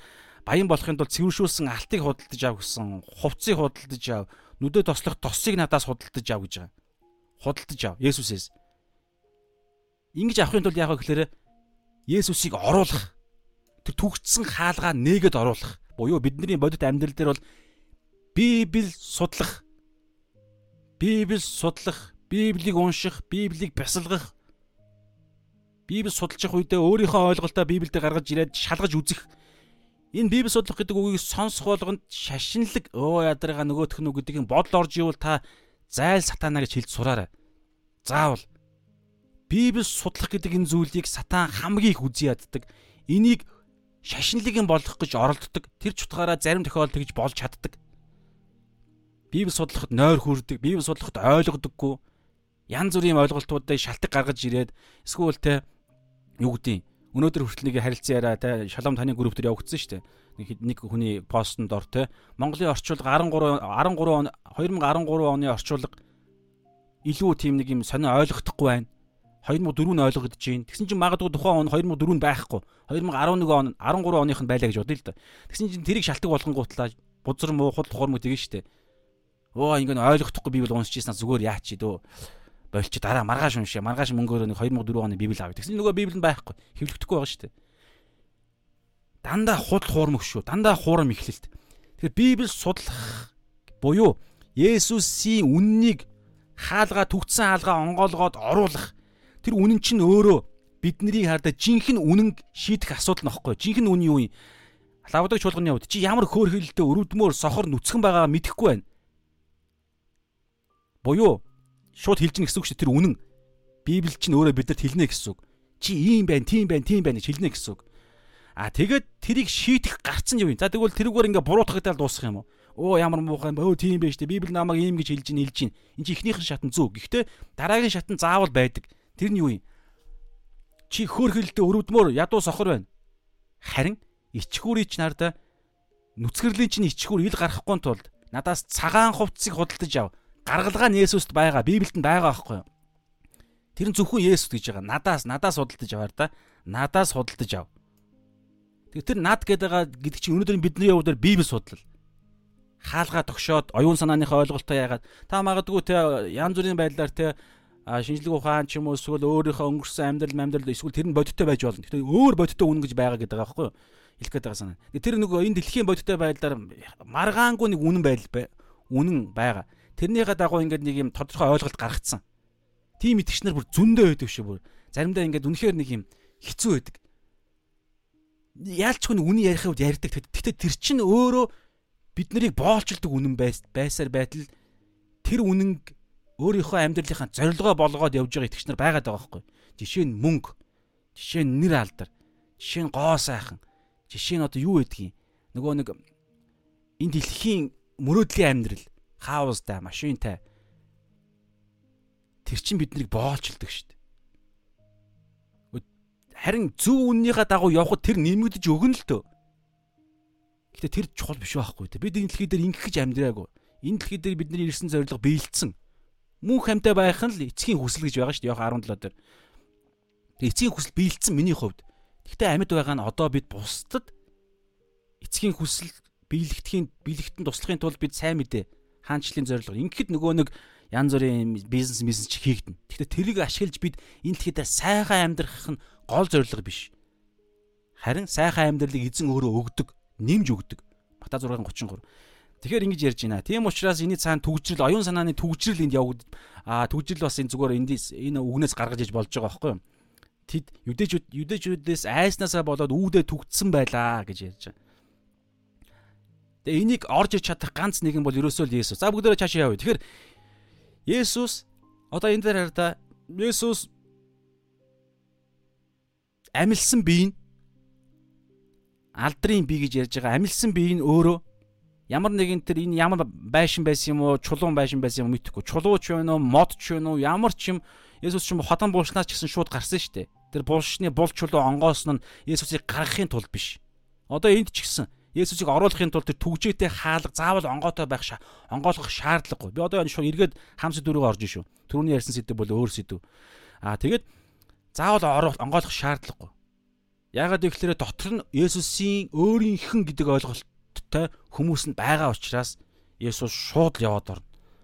Тэгээд эндээс бас нэг юм гаргаж ирдэг нь юу гэхээр та ордон сонсч ирсэн Есүсийн алдрын бие нь энэ дэлхийн материал, орон зай, цаг хугацаа гэдэг эдгээр зүйлсүүд дээр хязгаарлагддаггүй бие. Мэдээж үйлчлэлийнхэн 3 жилийн хугацаанд тэр нь илэрж исэн. Түр усан дээр алхсан. Тэ усан дээр алхсан. За тэгээд Матай 17 дээр 7-гийн 1 дээр байгаа санагдаж байна. Есүс хоёр дахь ирэлтээрээ ямар дүр төрхтэй ирэхээ тэр алдраа цухас Яаков, Йохан, Петр гуравт харуулсан нүүрэн гэрэлтэж яг илчилт 20 байна 21 дээр байгаа тэр дүр төрх нь харагддаг. Нүүрэн гэрэлтээд хувцсан цагаардаг. Тэ хажууд нь Мосе, Илия зогсож идэг. Мосе бол өгсөн ч гэсэн түүний бие энэ дэлхий дээр олдоогүй буюу тэнгэр элч аваад явсан. Михаил авсан гэдэг бас хэсэг бас байгаа тий сатантай тулалдсан мулдсан гэдэг. Илия болохоор үхлийг үзээгүй түүнийг үхүүлэхгүйгээр бурхан түүнийг шууд галт тэргэн дээр аваад явдаг гэх мэтчлэн цаана ингээд юр бусын ойлголт. За тэр яах вэ? Тэгээд харин одоо энэ амьсныхаа дараагаар нь Есүсийн бие саяны энэ хязгааруудыг цаг хугацаа орон зай матери гэдэг хязгааруудыг ерөөс ямар ч авчлахгүй юу тэднэрт хязгаарлагдахгүй байгаа байхгүй. Тэр утгаараа Имаа руу Имаа руу явж исэн хоёр хүнтэй уулзж байгаа. Тэгээд тал хуваах үед тэр хоёр хүн таньсан чинь таньсан зориг нь болсон Есүс гид алгуулсан. Юу вэ? Сүнс юм биш үү? Үгүй одоо сүнс биш гэдэг одоо батлна. Тэгвэл ямар махан би тийм болчихж байгаа юм. Нүдэн гэрчнэр штэ. Энэ түүхэн үйл явдлыг яг болсон гэдгийг түүхэнд ганцхан ямаар л илэрхийлдэг. Бичээс. Бичээс. Яг тэгэхээр хүмүүс өвчтөг учраас тухайн үед видео байгаагүй дуу хураагч байхгүй зөвхөн бичээс. Тэгэхээр энэ бичээс буюу Библиэл дээр чинь дандаа батлагдаж байгаа. Библи чинь ингээд баталгаатай гэдэг нь ингээд зөндөө олон юм ярьдаг шүү дээ. Тэгэхээр 1-р Коринт 15 дээр 500 гаруй хүмүүсүүдэд нэг дор амилсан бие харуулсан. Тэгээд сая ингээд баахан баахан хүмүүсүүд харуулсан. Тэгэхээр баталгаатай гэсэн үг. Тэгэхээр итгэхгүй байж болно. Итгэхгүй бол үр дагавар нь гарна гэсэн үг. Одоо бид нар үзнэ. За тэгээд энэ алдрын биеийн тийм байна. Филиппо 3 дээр бүгд нэг юм харъя. Бид нартай хамааралтай. Филиппо 3-ын Нөгөө Филиппо 3-ын 20-ыг та санаж байгаа бол нөгөө гайхалтай ишлэн дээ. Харин бидний иргэний хариалал бидний иргэний хариалал бол Тэнгэрт байгаа бөгөөд тэндээс бид аврагч эзэн Есүс Христийг ирэхийг хүлээж байна гэж байгаа юм. Хоёр дахь ирэлтээр бид үнэхээр иргэний хариалал болсон Тэнгэртээ бид очино. Гэртээ очино. Гэхдээ одоо бид энд өөр хариалалд байгаа. Тэр утгаараа энэ газрын хариаллын санал болгодог зүйлийг зорилгоо болгож болохгүй байхгүй юу? Энийг мэдээд бид зоригтойгоор сонголтоо хийхгүй бол эргээд бид нарыг энэ зүйл чинь биднийг барина. Итгэгч нар ахын дүүс нар минь. Тэр утгаараа эртхэн шиг зорилгоороо явъя. Эртхэн шиг мөнгөний ойноос явха болио. Хаанчлалын зорилгын төлөө явъя. Ингээд угаасаа та хараарай. Энэ тогтолцоо чинь эргээд таны хэрэг хэрэгцээ чи хангана. Гэтэ би буруу нэг та буруугаар битээ ойлгоорой.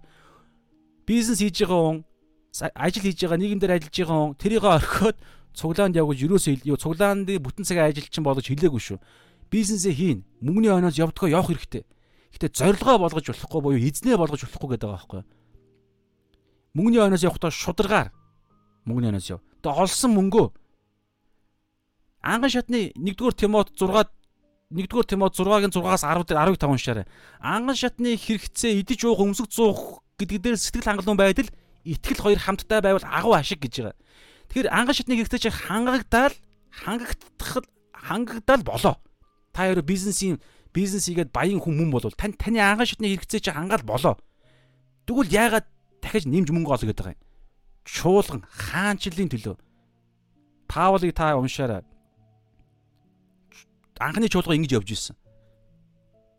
7 хоногийн эхний өдөр те намайг очиход те тэнд яарахгүй юу лээ.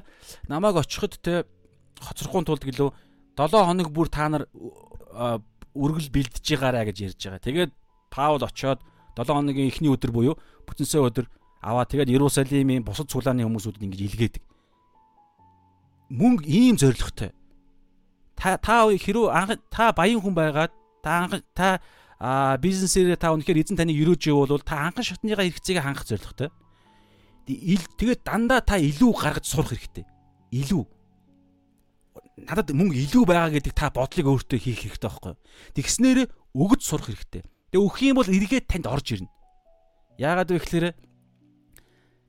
няруу сайн няруу гэдэг ойлголт байдаг. Тэгээд хүн хүн юу байна? Түүнд илүү өгөгддөг. Байхгүй гэж байгаа бол байгаа нь хүртэл авагддаг гэдэг. Тэгэхээр та бусдад бүр ингээд хангалуун юм шиг Гэтэ анхан шатны хэрэгцээгээс гаднах юм ярьж байгаа шүү. Битээ та буруу ойлгоорой. Таны үүрэг орой байгаа шүү дээ. Гэр бүл, үр хүүхэд те одоо сургуулийн төлбөр мөлбөр юм байгаа. Имчилгээ имчилгээ юу вэ? Тэгэхдээ тэрнээс та илүү хүчлээд ингээ бусад бусад ахын дүүснэр та итгэгч нараа яриад байгаа шүү дээ. Хамгийн ихнийхэн шатна. Хамгийн эхлээд бид итгэгч нараа гэж ярьж байгаа шүү. Та Библи судалдаг хүмүүс бол яг энийг мэдчихэж байгаа.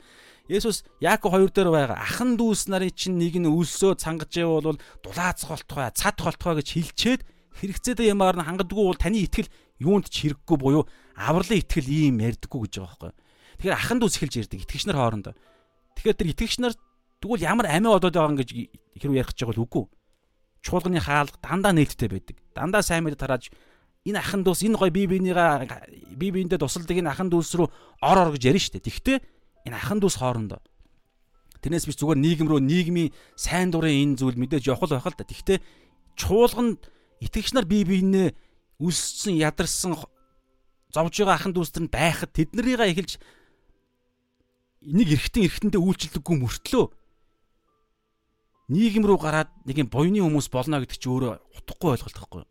Ийм дорой хаанчлал биш ээ Есүсийн хаанчлал. Библи нь угаасаа тодорхой хэлж байгаа. Тэгэхээр Библиэр явахгүй бол тэгэхээр хэлэх гээд байгаа санаа аа Филиппо 20 20 дээр бол тэрийг ярьсан. Бидний игний хайраа бол тэнд байна. Одоо 21 дээр нөгөө Есүсийн амилсан алдрын биеийг хардаа тэр бүх юмсыг өөртөө захируулж чадах хүчээрээ тэр Есүсийг амьлах үед энэ бүх юмс Есүсийн дор захирагдсан. Гэхдээ Есүс өөрөө эцгийнхээ дор гэж байгаа л да. А гэхдээ Есүсийн дор бүх юм захирагдсан. Матай 10 агуу захирамжийн өмнөх ишлэл шүү дээ. Матай 28-ын 18 дээр Тэнгэр газар дээрх бүх эрх мэдлийг надад өгөө буюу Есүст Бурхан аав нь өгсөн.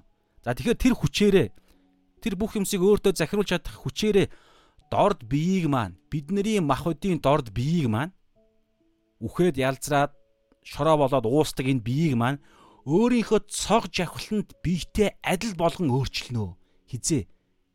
Хоёр дахь ирэл дээрээ бидний дорой биеийг яг өнөөдөр Есүс өнөөдөр үзэж байгаа хэсэг дээр Есүс хан нэвтлээд шууд дагалдагч нар руугаа орсон тэр хан нэвтэлж чаддаг бие. За санаж байгаа юм өөр юу вэ? Хан нэвтэлж чаддаг бие. Гинт алга болдог бие. Шилжилт транс кинон дээр гардаг юм яриад нь штэ. Ийм үнэн бохгүй та. Холливуд ерөнхийдөө бол бас нэг Холливуудын цаана нэг залтай сатаны нэг ажиллагаа явагддаг. Тэр юу гэхээр Библи дээр байгаа үннийг зүгээр нэг юм supernatural fantastic кино моногоор гаргаж ирээд тэгээд юр бусын имийг энгийн болгоод тэгснээрээ энгийн болчхоор өө нөгөө л нэг кино мөн бол яриад байна. Юу вэ? Танаа шашин чи ямар онгойтой киноны ярьдаг юм ярьд юм уу те эмэ гээл. Суперменийг бодоор. Супермен ч нөөрөө яг энэ Библийн энэ Есүсийн дүр төрхөөс бас ингэж цаанаа авдаг. Та Matrix киног та ингэ үдчихсэн бос удаараа яг адилхан. Сонгогдсон нэгэн.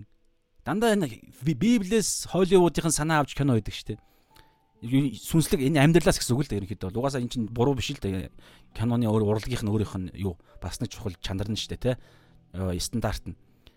Тэр гол хэлэх гээд байгаа санаа юу гэхээр Холливуудын янз бүрийн суперначрал кино мөн таны дуртай кинонууд чинь Библийг унших юм бол яг бидний Тэнгэрийн улсад маш бодиттой илүү гайхалтай амьдрал байгаа байхгүй. Тэгэхээр Библийг судлах хэрэгтэй. Тэгэхээр хараа л та. Гинт трансформ юу лээ? А трансформ биш аа англи үг нь мартчихлаа. Ин шилжилт хийдэг. Шилжилт хийж байгаа зү Есүс гинт байхгүй болцсон. Гинт нэг өөр газад гинт алга болчихдог. Аа тэгээд за ингээд сонирхолтой утгаараа ярьж штэ амар гоё. Бид нэр тийм өнхөө ус тийм гоё амьдралаар амьдрах байхгүй? Тэгээд шууд хан маань нэвтэлж чинь. Өөр юу вэ? Үүлэн дунд шууд өргөгддөг штэ. Удахгүй өргөгдөн. Бид нар үзнэ юу юм таталцлын хүч хүч үйлчлэхгүй байгаа зү. Энэ таталцлын хүч чинь зүгээр л Есүсийн бүтээсэн бүтээлийнх нь л нэг юм хэсэг дээ. Харин тэр алдрын бие чи өөрөө энэ бүтээл нь угаасаа устна гэж байгаа. Бүх юм устна. Тэгэхэд мөнх амьдрах тэр бие чинь энэ цаг хугацаа орон зай даталцлын хүч одоо юу гэдэг энэ ялзрах малзрах бүх юм үйлчилдэггүй биеийг бид нар авна гэж Филиппо 3:21 дээр хэлж байгааз тэр бүх юмсыг өөртөө захируулж чадах хүчээрээ дорд биеийг маань хүн хүн болгоны энэ мөхлийн дорой биеийг маань өөрийнхөө цог жавхланд биетэй цог жавхланд биетэй адил болгон өөрчилнө. Тэр биеийн сая яаж чинь түгтсэн байваа. Есүс ирээд тэдний дунд нь зогсож байла. Хаалганд үгжээд байгаад гэд дунд нь зогсож ирсэн тийм. Тэр ийм гоё юм яригдж байгаа шүү. Тэр Есүсийн бие бол түүний ч бие бас бидний биеийн загвар нь. Үххтээс амьлагстаас анхны үр жимс болсон гэж байгаа тийм. За тэгээ цаашаа яваа бүгдээрээ. Тэгэхээр гэлзуулъя. Дөрв тавхан ишл байгаа шүү дээ. За тэгэнгүүтлээ орж ирээд хардаа хэлсэн үг нь бүгдээр харъя. Шалом гэж хэлж байгаа. Еврейгээр, арамайгаар. Арамайгаар баха тий. Ямар ч юм еврейгээр шалом, арамайгаар юу гэдэг юм байгаа мэдэхгүй мэдхгүй юм яриад яг. Гэтэ адилхан байхаа ойролцоо харагдаад байгаа байхгүй юу? Зарим юм. За тэгээд тэрний яг хуучин гэрээ чинь еврейгээр бичигдсэн. За тэгэнгүүтлээ хараа 19 дээр амар амгалан та нарт байх болтугай гэдэг энэ үг хоёр давтагдчихж байгаа. 19 дээр 21 дээр амар амгалан та нарт байх болтугай. Амар амгалан та нарт байх болтугай. Довчноор шалом шалом гэж хэлсэн гэсэн үг. Еврейгээр а грекээр айрене эйрене эйрене гэж хэлсэн. За одоо энэ үгэн дээр бүгдээрээ цаана байгаа сүнслэг үннүүдийг бүгдээрээ олж харъя. Тэгэхээр хоёр удаа яагаад хэлв? За миний анзаарснаар бол бас нэг комментиг уншсан тэн дээр бас тайлбарласнаар бол бас тэрнтэй би санал нэгдэж байна. Сүнсээрээ нэгдэж байна. За тэрэн дээр юу гэхээр өөр тайлбар байж болно шүү. Дандаа ингээд нэг үнц гаргаж ирж байгаа шүү. За тэгэнгүүт тэн дээр болохоор миний анзаарж байгаагаар болохоор бас санал нэгдэж байгаагаар ингэж нэр да. Есүс итгэхээс Есүс амилсан биеэрээ тэдний өмнө дахиж гарч ирэхээс өмнө дагалдагч нар нь Есүсээс өмнө зүхтаасан. Петр 3 удаа урвсан. Мариагийн Эмаур явсан хоёр Симоны үгс тэдний итгээгүй. Марк Марк дээр саяала. Марк дээр саяасан байх гэхээр энэ дээр 14 дээр Марк 16 14 дараа нь 11 шавнаар нь тухлан сууж байтал Есүс тэдэнд үзэгдлээ. Тэд түүний амилсныг харсанд тэд итгээгүй тул тэдний итгэлгүй хатуу зүрхтэйг нь зэмлүү. За энэ мэтчлэн урвсан, зүхтаасан, итгэлгүй зан гаргасан. Тэгэхээр тийм байдалтай байхад нь хамгийн анхны хэлсэн үг нь юу ямар үг вэ? Энэ саяны зэмлүү гэдэг бол дараа нь шүү. Аа хамгийн анх хэлэхдээ хэлсэн үг нь юу вэ? шалом гэж байгаа байхгүй. Эсэ зэмлэг гэдэг дээр ерөнхийдөө Томсон хэсэг орж иж байгаа. Томсон. Дараа нь болж байгаа.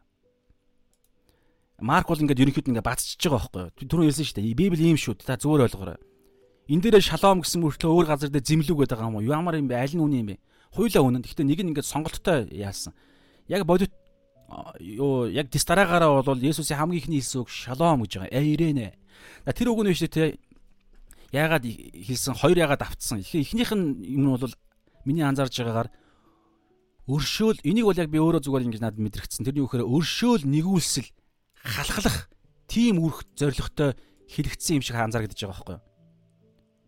Яагаад тэгэхээр яагаад тэгэхээр Есүс дагалдагч нар нь урвцсан байсан. Йоо а өмнө нь те нэг гитсмен цэцэрлэгт тэд нар Есүсийг орхиод зүхтаасан. Загалмай дээр цовлогдох үед нь зөвхөн дөрвөн эмхтэй нэг эрэхтэй л байсан шүү. Бус нь айгаа цухтаацсан. Тэгэхээр бүгд цаана гимшил тэгдэж байгаа гэсэн. Юу буруутгал дотор нь байгаа гэсэн үг. Зөвхөн Йохан одоо энэ бичээч Йохан байсан.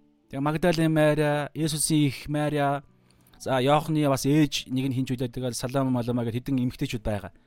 Тэгээ амьсныхын дараа ч гэсэн Аримати Йосеф Никодем хоёр оршуулдаг. За тэрийг бол эмэгтэйчүүд эмэгтэйчүүд холоос харж ирсэн гэж яагаад эмэгтэйчүүд очоод та ингээд амс бүтэнсээ өдөр ихний өдөр очиход эмэгтэйчүүд дагалдагч нар очоогүй. Эмэгтэйчүүд очсон. Эхлээд Магдалин Мари дараа араас нь хэд хэдэн эмэгтэйчүүд очсон. Тэгээд тэд нар ингээд хоосон байгааг нь шилж байгаа тэнгэр элч нар харж байгаа. Харин Магдалин Мари бол яг бодтой Есүсийг шаарсан тэнгэр элчийг ч гэсэн сонссон. Тэрийг хэлсэн. Гэтэл тэднэрт нь итгээгүй. Тэгээд итгэсэн нь бол Петр Яохан хоёр л сонсоод итгээд бус нь итгэхгүй үлдэж хахад Петр Яохан хоёр итгээд гүүгээд очиод харахад аа хоосон байгааг нь харсан гэж бид нар үтцсэн хэсэг байгаа те. Тэгээд энэ мэтчлийн ингээд иймэрхүү байдал дунд яаж байгаа гэхээр ингээд нэг юм амар тийм нэгэн буруутгагдсан, яллагдсан байдалтай байхад нэзэн нэрэнгүүтлээ итгэлгүй хүмүүсээ гэж хэлээгүү. Шалом гэж хэлж байгаа. За тэгвэл энэ ямар утгатай үг вэ? За яг хуу амар амгалан та нарт байх болтугай амар амгалан байгээ амар тайван байх болтугай гэдэг үг мөн. Гэхдээ эн чинь зөвхөн нэг хэрэглээ байгаа байхгүй. Яг үгийнх нь үндэс Библийн дагуухын тайлбар нь ямар үг байна вэ гэхлээр энэ үг байгаа. Бүрэн бүтэн. Бүрэн бүтэн гэдэг энэ Библийн бүх теологчд энийг хэлдэг шүү. Бүрэн бүтэн энэ өөрийнх нь үгнийх нь үндсэн язгуур үг нь утга нь энэ шүү. Бүрэн бүтэн. Мэдээж тэ инх тайван, амар тайван буюу дайн дажингүү, зөрчилгүй, зөрчилдөөнгүй гэдэг байдал байгаа. Тэгэхдээ энэ зөрч энэ чинь баг энэ бүрэн бүтэн байдлаас нь гарч байгаа үр дагавар байгаа байхгүй юу? Хамгийн гол тэр үгнийх нь амин сүнс нь шалом гэдэг үгний амин сүнс нь бүрэн бүтэн гэдэг үг. За энэ дээр бүгдээр нь хэдийн юм харъя. Тэгвэл хараа та түрүүний ярьж ирсэн нэраа подкаст дүгнээ дуусгаад байгаа. Юу гэхээр бүгд буруутгагдсан бүгд ингээл те яана одоо яах вэ гэдэг нэг юм айдсан сандарсан айсан сэтгэлээр унсан гутарсан байхтны Есүс ирэнгүүтлээ. Шалом буюу. Бүх буруутгал бүх дутуу анд цавыг нь бүгдийг нь ингэж те одоо баг замаасагдана гэдэг юм бүрэн бүтэн бол гэдэг. Ерөөлөг хэлж байгаа байхгүй бүх буруутгал бүх те дорой байдал бүгд өнгөрөөд яг одоо бүрэн бүтэн бол Ингэж хэлэхэд эхнийх нь байдлаар ингэж хэлж байгаа. Өршөөл нэгүсэл. Өршөөл нэгүслэгт чи өөрөө авах зохисгүй зүйлийг нь нэгүслэгдэг өгч өөрөө авах зохисгүй зүйлийг нь хүнд өгөх, авах зохистой яаш шидэглийг нь хүнээс буцаа өгөхөө болох гэдэг санаа байдаг байхгүй юу. Тэгэхээр тухайн үед үнэхээр авах зохистой зүйл нь юу гэхээр буруутгал байгаа шүү дээ. Яа үнэхээр итгэхгүй байна. Майраа хилээд байхад тэг ингээ зөндөө олон юм хилээд байхад бүр өмнө зогсож яхад яагаад итгэхгүй байгаа. Яагаад эзнийхээ яг үед нь гисмээ үед зүхтаасын та нар гэдэг буруутгалууд сатан хэлнэ шүү дээ. Гэтэ Есүс Есүс ирэнгүүтлээ тэрийг бүгдийг нь далдлаад шалом буюу шууд тэр бүрэн бүтэн байдлыг эзэн тэднээс үл хамааран Есүс өөрөө шууд өгж байгаа байхгүй. Үнгүү бэлэг өгж байна гэсэн. Тэгээ энэний хариуд нь яаж байгаа гэхээр тэд нар эхнийхээ байдлаараа баярлж байгаа шууд. Амар амгалан та нарт байх болтугай гэхэд гэхэд аа за энэ дээр хардаа үүн эхнийх нь амар амгалан та нарт байх болтугайг үүнийг айлдаад тэр тэднэрт тэдэнд гар хажуугаа үзүүлвэ. Шавнар нь эзнийг хараад ихэд баярлав. За тэгж байгаа. Тэгэхээр энэ бол эхнийх нь үгэн дээр юм гарч ирж байгаа. За энэ дээр бүгдээр нь хэдийн юм хараадах юм. Юу ихлээр шалом буюу грекээр ирийн монголоор анх тайван амар тайван гэдэг энэ үг буюу цаана тэднэрт тэднийг бүрэн бүтэн болгох шаардлагатай байсан уу? Таныг намайг бүрэн бүтэн болгох одоо шаардлагатай юу? Ер нь хүн төрлөختний гэсэн үг шүү дээ. Бүрэн бүтэн болгох шаардлагатай юу? Шаардлагатай. Яагаад? Бурхан ийм дутуу юм анх бүтээсэн юм уу? Үгүй. Эхлэл 1 2 дээр те эрэгтэй эмэгтэйг хуулийг нь бүтээгээд за эрэгтэйг нь бэлж бүтээгээд сайхан байлаа гэж байгаа. Эмэгтэйг нь бүтээгээд нин сайхан байлаа гэж байгаа. Яагаад гэж эмэгтэй дээр нь ялгаад ялж байгаа болохоор эмэгтэй хүн чинь эрэгтэй хүний хавиргад буюу хавирнаас нь аваад эрэгтэй хүн туслагаар бүтээгдсэн. Тэгээд тэр хоёр эхлэл эхлэл дээр байгаа тэр хоёр эхлэл хоёр дээр байгаа эцэг эхээсээ салаад эмхтэй хүн эр хүнтэйгээ нөхөртөөгөө нэгдэх үед нэгэн бий болдог. Тэгэхээр тэр эмхтэй хүний цаана нин сайхан гэж хэлж байгаа эмхтэй хүн дангаараа нин сайхан биш байхгүй та. Та зөв ойлгоорой. Эмхтэй хүн эрэгтэй хүн хоёрын тэрхүү нэг юм хамтдаа бүтээлийн зорилгын дагуу явах тэр төлөв байдал дээрээ буюу гэр бүл эр нөхөр хоёр хамтдаа бурхныхаа төлөө хаанчлалын төлөө явах гэдэг тэр чинь өөрөө нин сайхан байгаад байгаа байхгүй. Тэрнээс биш эрэгтэй зүгээр сайхан, эмэгтэй нин сайхан, тэгээд гоо сайхан байхан гэж заримдаа ярьдаг. Мэдээж тийм тал байгаа. Гэхдээ цаа том зургаараа бол хамтдаа нин сайхан гэж ярьж байгаа. Эмэгтэй бүтээгдэг үедээ бол наан зүгээр сайхан. Библиэр байгаа шүү дээ. Эр хүн ганцаараа байх нь энэ сайн бишээ гэж хэлж байгаа. Харин эмэгтэй бүтээсэн чинь одоо нин сайхан боллоо. Тэгэхээр Ийм байсан. Тэг яагаад тэгвэл шалом хэрэгтэй болчихж байгаа юм. Анханасаа шаломтой хамт байгаагүй юм уу? Байсан. Тэгтээ гим нүгэл үйлцснээс хойш ан цав гараад ирсэн. Шалом биш болцсон байхгүй юу? Бүрэн бүтэн биш болцсон. Тэрний нэг ишлэл. Эхлэл 3 дээр байгаа. Эхлэл 3-ын 24 сүүлийн үг өчлөл. Тэгээд бурхан тэр хүнийг хөөж байгаа. Өөрийнхөө оршихугаас бурхан ч өөрөө ам байхгүй юу? Мөнхийн амиас одоо энэ дээр харалт амийн. За би өмнөхийг уншиж чинь. Эзэн бурхан үзэгтэн хүн одоо сайн мууг мэдэх талаараа бидний 1 2 энэ арай чанга нөө 1 2 чангараадах шиг байх юм. Шалом, шалом. За сайн мууг мэдэх талаараа сайн мууг мэд за холоос яриа те. Сайн мууг мэдэх талаараа бидний нэгэн адил болсон тэр одоо гараа сунган амийн модны жимснээс бас авч идэхгүй. Э, авч идээд мөнх наслах вэ буюу гим нүгэлтэй хүн гим нүгэл гэдэг энэ бузар мууч нь мөнхөд шийтгэлгүйгээр амьдрах ёсгүй байхгүй. Бурхны чинь 18 мөн чанарын нэг шудраг зан. Тэгэхээр бурхан гим нүгэл би болон юу дэлхийн ертөнцид ороод ирэнгүүтэл шууд шийтгэллийн процесс руу орж байгаа байхгүй. Угаасаа өмнө ч хэлсэн шүү дээ. Угаасаа өхнээ гэд мэдсэн байж идсэн байж ш тэ идсэн. Тэгэхээр ардаа шууд тэр дор нь а яаж байгаа вэ гэхээр эзэн бурхан хүнийг мөнх наслах вэ гэж амийн модноос салгаж байгаа байхгүй юу? Амиа салгаж байгаа гэсэн үг. Тэгэхээр шууд үхсэн гэсэн үг. Үхэл бий болж эхэлсэн гэсэн үг. Тэгээ эзэн бурхан хүнийг өөрийн гаргаж авсан газар шороо хаглуулахаар эдийн цэцэрлэгээс гаргаж явуулва. Тэгээд бурхан тэр хүнийг хөөж гаргаад амийн модод хөтлөх замыг хамгаалуулахаар эдийн цэцэрлэгийн зүүн талд херobууд буюу тэнгэрийн шинээр зүг бүр эргэлдэг галт хилдэг байрлуулва. Тэгэхээр эндээс эхлээд эдийн цэцэрлэгээс хөөгцнөөс эхлээд хүн дутуу болж эхэлж байгаа байхгүй юу? Амин хүнээс салж байгаа ариун сүнс гэж хэлж болно. Амин. Бурхан салж байгаа. Тэр утгаараа шалом хэрэгтэй. Эргээд бүтэн болох хэрэгтэй. За одоо бүгдээрээ харъя л та. Шаломыг гайхалтай илэрхийлэх нэг ишлэл байна. Исая 26-гийн 3 дээр хараа. танд итгэдгийн улмаас арда бурхан итгэх бурхантай нэгд итгэх гэдэг чинь нэгдэх гэсэн санаа цаана явдаг штэ. Тэгвэр бурхантай итгэдгийн танд итгэдгийн улмаас тантай нэгдсэний улмаас гэж хэлсэн ч буруутахгүй. Танд итгэдгийн улмаас санаа бат хүмүүнийг та амрын амар байлгана. Энэ еврей хэл дээр харах юм бол шалом шалом гэдэг үг байгаа байхгүй юу? Тэгэхээр төгс бүрэн бүтэн байлгана гэсэн үг. Бүр бүрэн бүтний бүрэн бүтэн. Төгс бүрэн бүтэн. Энэ төгс бүрэн бүтэн байдал байдал аваачихын тулд Есүс загалмай үйл явдал болж байгаа шүү дээ. Тэгэхээр яаж энэ бүр төгс бүрэн байдлын бүрэн бүтэн байдалд бид очих юм? Танд итгэдэггүй болмаас. Тэгвэл танд итгэнэ гэдэг нь ямар санаа юм? За бүгд дээр Исая 9-ийн 5-6-ыг харъя л да. Тулаанд цэрэг хүний өмссөн гутал бүрийг одоо тулаан мулаан яриад ирэхээр та шалом гэдэг үг шууд хамаартай байхгүй. Ягаад тэгэхээр шалом гэдэг чинь тайван буюу дайн дажингүй байдал, зөрчилдөөнгүй байдал. Тэгэхээр тулаанд цэрэг хүний өмссөн гутал бүрийг цусанд болгосон хувцас бүхнийг галын түлш мэт шатаана. Өөрөөр хэлбэл дайн дажин зөрчилдөөн, бузар мууг шатаана. Хин шатаах юм? Хин тэр түрүүний Исая 26-гийн 3 дээр байгаа шаломын шалом, шалом шалом гэдэг тэр төгс бүрэн бүтэн байдал хин аваачих юм. Исая 9-ийн дараагийн ишлэл те 5-ын дараагийн ишлэл 6. Учир нь бидний төлөө хөвгүүн төрж бидэнд хүү өгөгдсөн аж. Нүгэлтээ шалом биш дутуу болцсон биднэрт хүү өгөгдсөн. Энэ хүү биднийг шалаамын шалаам болгоно. Засаглал түүний мөрөн дээр байж түүний нэрийг гайхамшигт зөвлөгч хардаа Есүсийн нэр хин гэж байна. Бурхан, хүчит бурхан. Исая 700 жилийн өмнө ингэж Есүсийг Есүс бол бурхан гэж хэлж байна. Есүс зарим хүмүүс Есүсийг Есүс өөрөө өөрийгөө бурхан гэж хэлээгүй гэж ярьдаг. Гэтэл үгүй. Олон ишлэл Есүс өөрийгөө бурхан гэдэг санааг илэрхийлсэн зөндөө байдаг шүү хүчит бурхан мөнхийн эцэг хардаа эцэг хүү хоёрыг нэг ярьж байгаад одоо сонсоорой.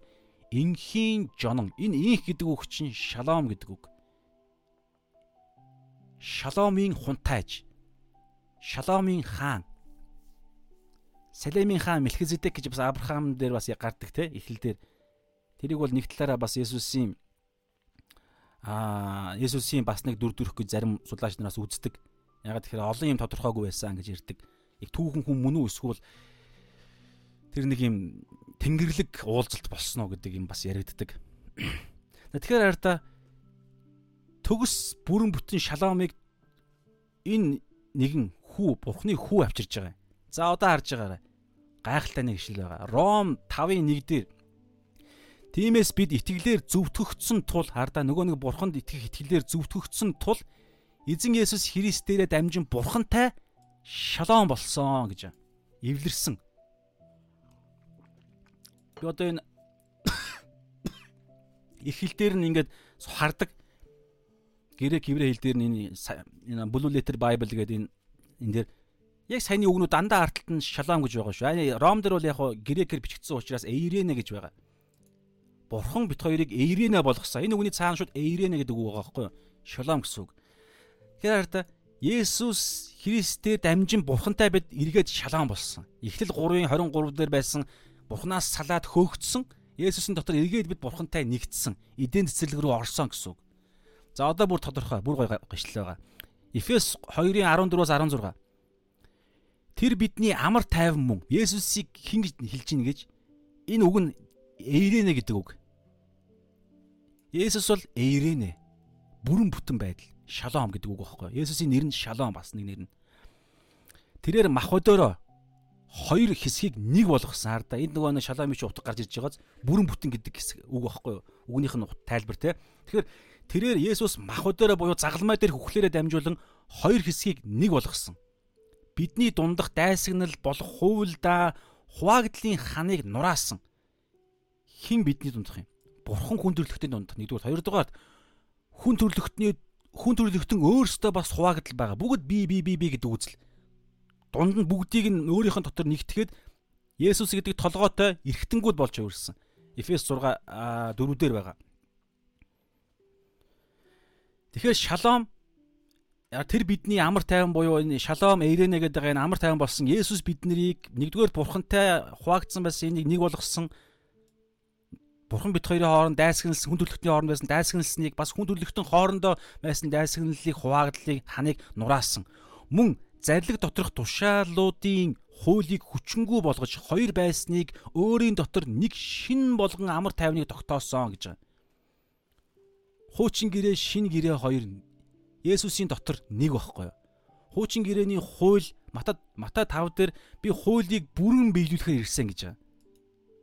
Есүсийн дотор хууль бүрэн биелэгдсэн.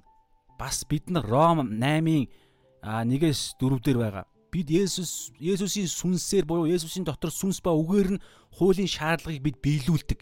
Ингэх дуудлагатай. Итгэгч биднэрт хууль хамааралтай. Гэхдээ бид хуулиар яллаг яллагддаггүй.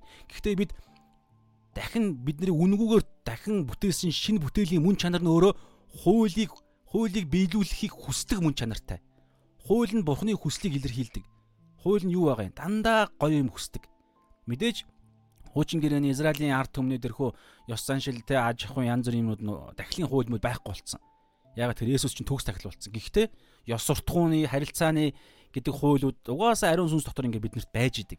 Бид хуулийг давуулан биелүүлдэг бид хуулиас юусаа айдаггүй. Юу юм? Хууль чи өөрөө бидний шин бүтээлийн бидний хүслийг хүртэл илэрхийлдэг шүү дээ. Бүр. Тэгэхээр хэрв итгэгч нар шинэ гэрээний итгэгч нар мөртлөө хуучин гэрээний хууль муу гэхээр ингээл нэг юм мэдээж тийм хэсэг байгаа. Галаат дээр олон их газар байгаа. Хууль бидний үхлийн хууль муу хуулийн хуулиас бид чөлөөлөгдсөн зөндөө юм байгаа. Гэхдээ итгэгч нар бид ариун сүнсээрээ Библи судалдаг хүмүүсүүд бид дандаа ялгааг нь хардаг. Энэ хэсэг юу хэлж байна? Энэ хэсэг юу хэлж байна? Тэгэхээр байнгын Библи судлаад оюун санаагаа шинжлэхгүй болвол бид төөрөлднө. Дунд нь сатан бид нарыг Библийн нэг ишлэлээр бид нарыг мэхэлж чадна. Тэгээд ирэхээр одоо юу гэдэг нэг юм Ром дээр байгаачлан нэгүслийг басамжилдаг хүмүүс ч болох магадaltaй. Ингээд ирэхээр гим нүгэл үйлдэхийг хүсэхгүй байх гим нүглийг хүсэх гим нүглийг үзэн ядах байдлыг хүртэл нэг чухал тооцдоггүй итгэгч нар гараад ирвэл аюултай байхгүй. Тэр утгаараа түрүүн тэр Рави Захарыг ярьсан. Рави Захара мундаг хүмүүртлээ яагаад тэр бузар муу ам завхаарлын гаж донгийн амьдралыг зөвшөөрөөд яваад байваа. Жинхэнэ итгэвч үү инхүү гэдэг дээр олон пасторууд, докторууд Рави Захари дээр маш олон чухал чухал юм гаргаж иж хүндэж байгаа байхгүй. Энэ Рави Захаригийн амьдралаар итгэлийн амьдрал дээр Христийн бие дотор ямар зал явж байна. Загалмай сайн мэдээ яг бүрэн бүтэн сайн мэдээг сайн мэтийгээр яваагүй олон итгэгч нар байгаагийн илрэл байгаа даа байхгүй. Тэр утгаараа бас ярьж байгаа. Бид юмыг цогцоор нь бүгдийг нь харах хэрэгтэй. Матай 28:10 агуу захимжлаар байгаа шүү дээ. Миний танаар тушаасан бүгдийг хоорондоо мэтгэлцэх биш. Зүгээр чэйжлэх биш, ойлгох биш. Бүгдийг сахин биелүүлэхийг тэдэнд заа. Бүгдийг Есүс 3 жилийнхээ амьдралдаа юу хэлсэн? Уулан дээр сургаалыг хэлсэн үү? Хэлсэн шүү дээ. Уулан дээр сургаал дээр юу гэж байгаа юм? Та Матай 5-аас 7-ыг та уншаарай. Та бүр дэл та бүр гайхна. Яа бид яаж энийг хийж чадах юм бэ? Гэтэл бүгдийг сахин биелүүлэх дуудлагатай. Нэгдүгээрт өөрсдөө бид нар. Хоёрдугаарт бусдыг ингэж биелүүлэхийг бид нар биелүүлэхэд нь заах дуудлагатай. Яаж биелүүлж байгаа амьдралаараа бид харуулна гэсэн үг. Яаж завхаарахгүй байх? Яаж зүгээр шууд унтах завхаар бодиттой завхаарлын үйлдэл биш. Яаж нүдэрээ завхаарахгүй байхыг байхыг бид биелүүлэх ёстой юм. Бид өөрсдөө биелүүлэх үүрэгтэй. Яаж Ром 8-ын 1-ээс 4 дээр ариун сүнсний хүчээр одоо чадахгүй байна. Тэгвэл залбираад Библийг судлаад чадахын төлөө үз тарах хэрэгтэй байхгүй юу? Энийг дуудлагатай. Зөвхөн өөрийнхөө төлөө биш. Тэгээ бид аврагдах гээд байгаа юм биш. Угаасаа аврагдсан. Гэхдээ аврагдсан хүн чинь ариусгал юм явж байгаа. Хоёрдугаар бусдыг авралт ирүүлэхийн тулд энэ амьдрал чинь ямар амьдрал вэ гэдгийг бид Есүс явсан мөрөөр нь явна. Есүс яг ингэж амьдрсан шүү дээ. Нэг ч гим нүгэл үлдээгүй. Тэгэхээр Есүстэй адилхан бид амьдрах боломж нь ариун сүнсээр нөгөгдсөн байхгүй. Тэгэхээр бид өөрөөсөө ингэнгүүтлээ агуу захимч чинь тэр шүү дээ. Бид өөрөөсөө яг ингэж амьдраад тэгээ бусдыг бас яаж амьдарж байгаагаа харуулна гэсэн үг. Яаж эмэгтэй хүнийг тачаадан харахгүй байх юм? Яаж их нэгний үзий ятахгүй байх юм? Яаж татвар фарисеучудаас илүү бидний зөвхт байдал илүү байх юм? Яаж сүнсэндээ ядуу байх юм? Өөр мата уулан дээр сургаалаар чи асар олон юм байгаа шүү дээ. Яаж дотоод өрөөндөө залбирдаг байх юм? Яаж мацаг барихтаа те нүрэ амар гоё те амар нөгөө нэг зовж байгаагаа харуулахгүй яаж те дотроо зовлонгоо тээж сурах юм. Яаж те хүнээс алдар биш бурхнаас шагнал буюу авах авахыг ингээд ерөөс уулан дээр сургаал би үтцсэн хэсэг штэ мата тэр байгаа бор олонны төлөөгээ библи судал дээр байгаа шүү мата 5-аас 7 дугаар хэсэг. Тэгэхээр энэ бүгдийг бид захин биелүүлэх дуудлагатай агуу захирамж захирам дээр чинь энэ байгаа. Тэрнээс зөвхөн сайн мэдээ яриаггүй. А тэгээд дагалдагч бэлтгэх гэдэг нь зүгээр цуглааны хүн болох юм яриаггүй штэ. Цуглаанд явбал аврагдана гэдэг ямар ч ишил байхгүй.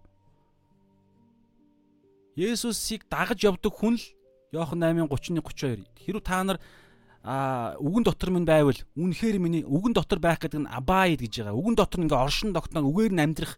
Үгэн дотор нь байвал үнэхээр миний дагалдагч байна. Тэгээд та нар үннийг олго үн та нарыг чөлөөлнө. Тэрнээс биш цуглаанд яваад үйлчлэгээ тэ библийн сургууль сураад төгсвөл чөлөөлөд гэж хэлээгүй. Үгэн дотор нь үгээр нь амьдрал тэр үгэн дээр юу гэж байгаа агуу захимж дээр чинь миний хэлс та нар тушаасан бүгдийг Тэрнээс биш тэ диспенсац гэдэг зарим бас тийм онол байгаа урсгал байна.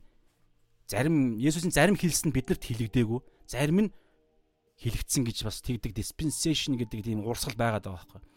Тэр бол биш байгаа биш байгаад байгаа. Хэлсэн бүх үг биднэртээ хамааралтай. Тэгвэл дунд нь биднэрт хандж хэлэгдээгүй зөндөө байгаа шүү дээ. Жишээ нь Мата а 19 хэдээр болоо 23 дээр үзнэ бид нар 23 баха 23 байна 24 дээр тэр бүлэг тэр чигээр фарисеучуд та нар золгүй яа гэдэг хэсэг байгаа. Хам сэдвэн тодорхой фарисеучуд тандч хэлсэн шүү дээ. Бид нар хэлээгүй шүү дээ. Тэгэхээр бид нарт хандаж хэлсэн тодорхой ахан дүүс нар минь итгэгчтэй гэд хэлсэн үг биднэрт өөрийнхөө хүмүүс тухайн үеийнхээ итгэгч нартай л бол биднэрт шууд мөнгө гэсэн үг байхгүй юу? За тэр яах вэ? Тэгэхээр ийм ярьж байгаа шүү. За тэгээ бүгд тэр чааш яав. Тэгэхээр Эфес дээр ийм гайхалтай юм ярьсан. Тэгэхээр ерөнхийдөө бол Есүсийн Есүсээр л шалом бүрэн бүтэн байдал бий болдгоо гэдэг юм яригдж байгаа. Есүсээр л бүрэн бүтэн байдал бий болдог. За тэгээд бүрэн бүтэн байдал гэдэг дээр бол зөвхөн сүнс биш, сүнс, сэтгэл, бие аль альных нь хувьд шалом яригддаг шүү. Бидний махуудын амьдрал ч гэсэн эрүүл чирэг зөв амьдралтай байх юм дээр ч гэсэн яригддаг. За тэгээд чаашлах юм бол ардаа зөвхөн өөртөө биш, бусдад харилцах харилцаан дээр хүртэл шалом яригдана энэ шалом гэдэг чинь инх тайван дайн дажингүй байдал. Тэгэхээр бустай ч гэсэн ив нэгдэлтэй. Тэгээ энэ дээр бас нэг юм яригддаг нь те хин нэг үнийг хохироосон бол тэр нэгнийхээ хохирлыг нь хүртэл барагдуулах нь шалом гэдэг нь бас нэг тайлбар нэг байгаа байхгүй. Би хин нэгнийг хохироосон бол би тэр хүний хохирлыг нь барагдуулаад уучлал гуйдаг ч юм уу эвдэлсэн юм өгдөг ч юм уу тэгээ тэр хүнийг эргээ бүрэн бүтэн байдал тавих. Зүгээр харилцааны нэг юм яриад шүү дээ. Энэ мэтчлэн бүх талбар дээр шалом нь Есүсийн дотор сүнсээр нь явхад ариун сүнс бүгдийг ингэж удирддаг аа гэж байгаа. За тэгээд гар хажуугаа үзүүлсэн. Бүгдийг ялзуулъя. Тэгээ амар амгалан та нарт байх болтугай. Үүнийг айлаа тэр тэдэнд гар хажуугаа үзүүлвэ. Шамнарны эзнийг хараад ихэд баярлав. Тэгэхээр энэ дэр бол юу ягдж байгаа гэхээр Луг 24 дээр ерөнхийдөө байгаа. Аа би уншчи. Юу гэж байгаа гэхээр Луг 24-ийн 39-40 дээр хар та. Аа миний гар хөлийг Миний гар, миний хөлийг хараач. Эн чинь би өөрөө байна. Надад гараа хүргээд үз. Учир нь сүнсэнд та нарын харж байгаа над шиг яс мах байдаггүй юм гэлээ. Тэр үнийг айлаа тэдэнд гар хөлөө үзүүлвэ. Тэд баярлан гайхсандаа итгэж ядан байх нээс тэдэнд та нар над идэх юм өгнө үү гэдгсэн. Тэгээд загас өгсөн чинь өмнө идсэн гэж юм. За тэгээд ерөөхдөө бол баталгааг өгсөн гэсэн үг. Юу гэхээр би сүнс бишээ. Би мах бод. Гэхдээ мах бодтоо алдрын мах бод түрүүн Филиппо 3:21 дээр хэлсэн. Тэр нэг юм сүр жавхлантай мах бод. Тийм учраас энүүгээр бас юу ямар юм батлагдж байгаа вэ гэхээр Есүсийн амьлал мах бодийн амьлал байсан. Бас 1-р Коринт 15 дээр тэр чигээр үхлээс амьлах биеийн талаар ярьж байгаа. Бидний мах бод ч гэсэн бас бидний амьлал Есүсийн хоёр дахь ирэлтээр би бий болох амьлал маань мах бодийн амьлал байна. Тэр утгаараа Тэнгэрийн улсад бид бүх зүйлийг мэдэрнэ мэдэрж амьдрна. Үлсэхгүй, цангахгүй, өвчин зовлон байхгүй, нулимс урсахгүй гэж байгаа юм. Ямар ч мэдрэмжгүй нэг юм яваадах юм биш. Бүгдийг мэдэрнэ. Тэгвэл үлсэхгүй байдлын нөгөө тал нь юу юм? Затгалан байдал. Тэгвэл байнгын хүн затгалан байхаар ямар мэдэрдэг. Үүс асарыг үлсэж жигээд хоол идэхэд хоол ямар амттай байдаг вүлээ. Тэр амтыг мэдрэхэд ямар тийм биед нэг гоё кайф бий болдог вэ? Байнга тийм байдалтай. Би өөрийнх нь чадлаараа л ингэ тайлбарлаж байна. Хүн ингэ та бодтоо хаз жаргалтай та дурсамжаас хар бодтоо. Нөх гоё ингээл те. Бага штэ нэг ямар нэгэн мөч байгаа. Одоо удахгүй 100 болох гэж байна те. Нөх гоё 100. Тэ нэг голын ирэг дээр найзуудтайгаа эсвэл гэр бүлтэйгээ хайртай хүнтэйгээ амар гоё ингээл машинтай, машинтай гэр дансанд одоо би гоёор л ярьж өөрийнхөө бодол боломжоор пансанд нь мөнгөтэй гэр орно горно гоё хаустай те хаустай хаус нь гоё манаачтай тэгээ те зойронд нь иддэг янзын гоё идэж уух юм бүх юм байгаа ажилантай амжилт бүтээлтэй тэгээл одоо юу гэдгийг а найз нөхдөд магадгүй нэр алдартай ингээл бүх юм нь хамгийн төгс амьдрал амьдрал бий боллоо гэж бодъё л да. Тэгэхээр тэр үед танд ямар аз жаргал төрөх вэ? Заавал ингэж ярих албагүй л зүгээр ямар үедээ аз жаргалтай юмаа санал та тий. Тэгэхэд нэг гоё мэдрэмж төрнө. Дурсамж. Тэрийг ингээл заримдаа бид дурсамж чинь ингээд нэг юм савн үнэртэх, нэг дуу сонсох тий. Нэг ингээл нэг юм нөхцөл байдалд ороход нэг гоё дежаву гэдэг шиг тий. Нэг гоё нэг нэг гоё эсвэл нэг гоё зүү зүүдлэх. Гэтэ мартчихдаг тий. Нэг гоё өглөө нэг гоё зүү зүүдэл зүүдлэнээс сэрмээргүй байдаг тэр бүх мэдрэмжүүд чинь дандаа амтлагаанууд байхгүй юу? Дандаа амтлагаанууд. Тэнгэрийн улсад гайхалтай хурим болно. Илчлэлтээр байгаа. Ариун хурим. Есүс Бурхны ард түмэн гоёны хурим. Тэр төгс нэгдлийг чинь амтлагаан дүрслэл нь эрэгтэй эмэгтэй тэр романтик эрос хайран дээр бий болж байгаа эр имийн гэрлэлт. Тэр хайр. Гэхдээ төгс биш. Төгс дүрслэхгүй. Тэгэхээр та бодолтой. Одоо зүгээр нэг юм сони юм ярьчих зүгээр. Одоо жишээ нь хүн махуудын хүсэл тачаал хүртэл байгаа шүү дээ. Зүгээр секс гэ яриа л да зүгээр. Яг зүү. Хүсэл тачаалыг муухай үг хэлжлээ. Гэр бүл доторх яг зүү бүтээлийн дагуух сексийг чинь бурхан бүтээсэн шүү дээ. Тэр тэр секс тэгэнгүүтлээ эхнэр нөхөр. Тэгээд тэр үр хүүхэд тэний гоё. Тэр чин мөнхийн улсад жинхэнэ төгс зүйлийн өчүүхэн хэсэг нь. Тэр утгаараа Тэнгэрийн улсад эхнэр нөхөр гэж ярихгүй үр хүүхэд гэж ярихгүй мөнх наслах учраас. Тэгээд тэр нардаа мах бодийн аймлал дөрөв энэ хэллээ штэ. Есүс гар гараа үзүүлсэн хажуу руугаа хатгуулж үзүүлсэн гараа хил гэж Томас дээр бас гарч ирнэ. Тэгээд сүнс ийм байдаггүй маа гэж. Тэгээд загас идэж үзүүлж байна. Энэ болгон чи юу гэхээр утахгүй. Тун утахгүй. Та нар бид бүгд Филиппо 3:20-ын дагуу жинхэнэ иргэнийхээ харьяалал дээр очих үедээ юр бусын гайхалтай төсөөлшгүй сайн сайхныг бодтой мэдэрнэ мах өдөр. Ийм гоё юм байгаа шүү. Тэгэхээр ийм гоё юм байхад бид яагаад бузар муугийн хор агуулсан хүслийг зорилгоо болгох юм байх юм дөөс нар. Зүгээр бодъё те. За одоо чаашаа явъя. Одоо ялзуулчих. За 21 дээр Есүс дахиж тэдэнд амар амгалан та нарт байх болтугай. Эцэг намайг илгээсний адил би бас та нарыг илгээнэ гэж байгаа. Одоо энэ дээр хараа хоёр дахь амар амгалан хэлж байна. Би энэ дээр болохоор юу гэж анзаарж байгаа гэхээр энэ дээр яг миний одоо эхнийхээс гаргаж ирж байгаа нэг юм юу гэхээр мэдээж яг хэвээр адилхан шалаан гэж хэлсэн. Гэхдээ одоо энэ дээр хардаа амар амгалан та нарт байх болтугай гэж хилчингүүтлээ эцэг намааг илгээсний адил би бас та нарыг илгээн гэж хэлээд үлээгээд ариун сүнсийг хүлээж ав гэж хэлсэн. За энэ дээр нэг хэд хэдэн юм ярина. Гэтэ би эхлээд нэг ерөнхий байдлаар нэг яриадах юм ариун сүнс өөрөө бид нарыг шалон болгодог. Зөвхөн ариун сүнс. Ариун сүнс чи өөрөө ариун сүнс чинь өөрөө Есүсийн сүнс эцгийн сүнс гэж байгаа ариун сүнс чинь өөрөө ам байхгүй юу? Филипп Иохан 14 16 дээр байгаа. Энэ сүнс та нартай үүрт хамт байна гэж байгаа. Ариун сүнс бидэртэй хамт үүрт хамт байна. Өөрөөр хэлбэл ариун сүнс чинь бидний мөнх ам байхгүй юу? Түрүү эхлэлдээ үзсэн шүү дээ. Амийн амийн модод хөтлөх. Гэтэ амийн мод гэдэг чинь Есүсийг ярьж байгаа. Гэтэ Есүс чи өөрөө ариун сүнсийг бид нар руу илгээсэн. Одоо бид нар үзнэ. Гурвалч нь бүгдээрээ нэг тусна авч үзэж юусаа болохгүй. Гэхдээ ерөнхийдөө байдлаар Есүс Есүсийн сүнс буюу тэр амин ариун сүнс гэхгүй юу? Ариун сүнс сүнсийг Библиэд ингэж байгаа. Эцгийн сүнс, хүүгийн сүнс дээр нь нэмээд Иохан 14:6 дээр тэр сүнс та нартай үүрт хамт байна гэж байгаа. Үүрд мөнхийг илэрхийлж байгаа. Мөнхийн ам бидний хүртэл сүнс. Тэгээ Иохан хэд дээр байлаа өө биш яохон дээр биш ром дээр байна уу да өө өчигдөрхөн өмнөх юм дээр үзчихсэн ингээ мартчихад байх юм юу гэхээр а ром. За ямар ч үсэн галат. А хаана өө хөрхи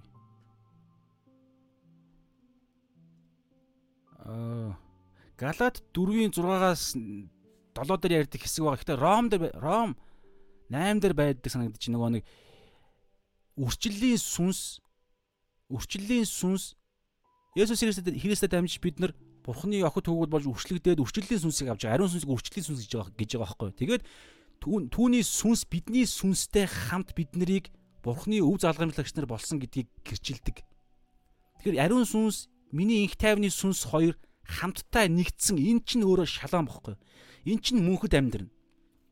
Тэгэхээр одоо ариун сүнсийг тэр утгаараа хоёр дахь удаага шалаам гэж хэлэхэд үргэлжлүүлээд цаана ариун сүнс яригдчихэж байгаа.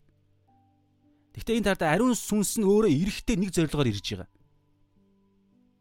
Үүнийг айлдаа тэр тэдэнд гарааж байгаа авшаа 21 амар амгалан та нарт байх болтугай шалом бүрэн бүтэн байх болтугай гэж хэлэнгүүтлээ эцэг намайг илгээсний адил би бас та нарыг илгээж ин. Тэгэхээр бид юуны төлөө энэ дэлхий дээр бид мөнх амьтаа байгаа вэ гэхээр Есүсийн зорилгыг өөрийнхөө зорилгоо болгоод энэ дэлхий дээр амьдрах ийм л дуудлагын зорилгоор ариун сүнс биднэрт ирсээ. Йохан 14 дээр энийг давтан давтан хэлж байгаа. Тэгэхээр энэ зорилгоос хазаан гутлаа аврал авахтаа них гоё авралаа авчаад тэг амьдрахтаа өө би амьдрахтаа бол зүгээр энэ дэлхийн хүмүүсүүдтэй адилхан амьдрнаа гэдэг ийм ойлголт байдаггүй. Ийм ойлголтоор яваад явж байгаа одоо хүртэл гимшдэггүй тэн дээр нэг сони юм би нэг л дуудлагаараа хүмүүс чана мөн чанараар амьдрахгүй байна да гэдгийг мэдэрдэгчгүй хүн байвал хатуугаа хэлэхэд тэр хүн дахин төрөөгөө байх магадлал маш өндөр шүү. Дахин төрсөн хүн үнэхээр мөн болвол Есүсийн энэ дэлхий дээр дахин төрөх төрөлгөд чинь Иохан 3 дээр сүнс ба усаар гэж байгаа. Ариун сүнс бидний дотор орж ирэхийг мөчийг яриад байна шүү дээ. Тэгэхээр ариун сүнс чинь ирсэн бол ариун сүнс чинь ирсэн зорилго нь одоо бид нар үзье. Иохан 14 дээр байгаа.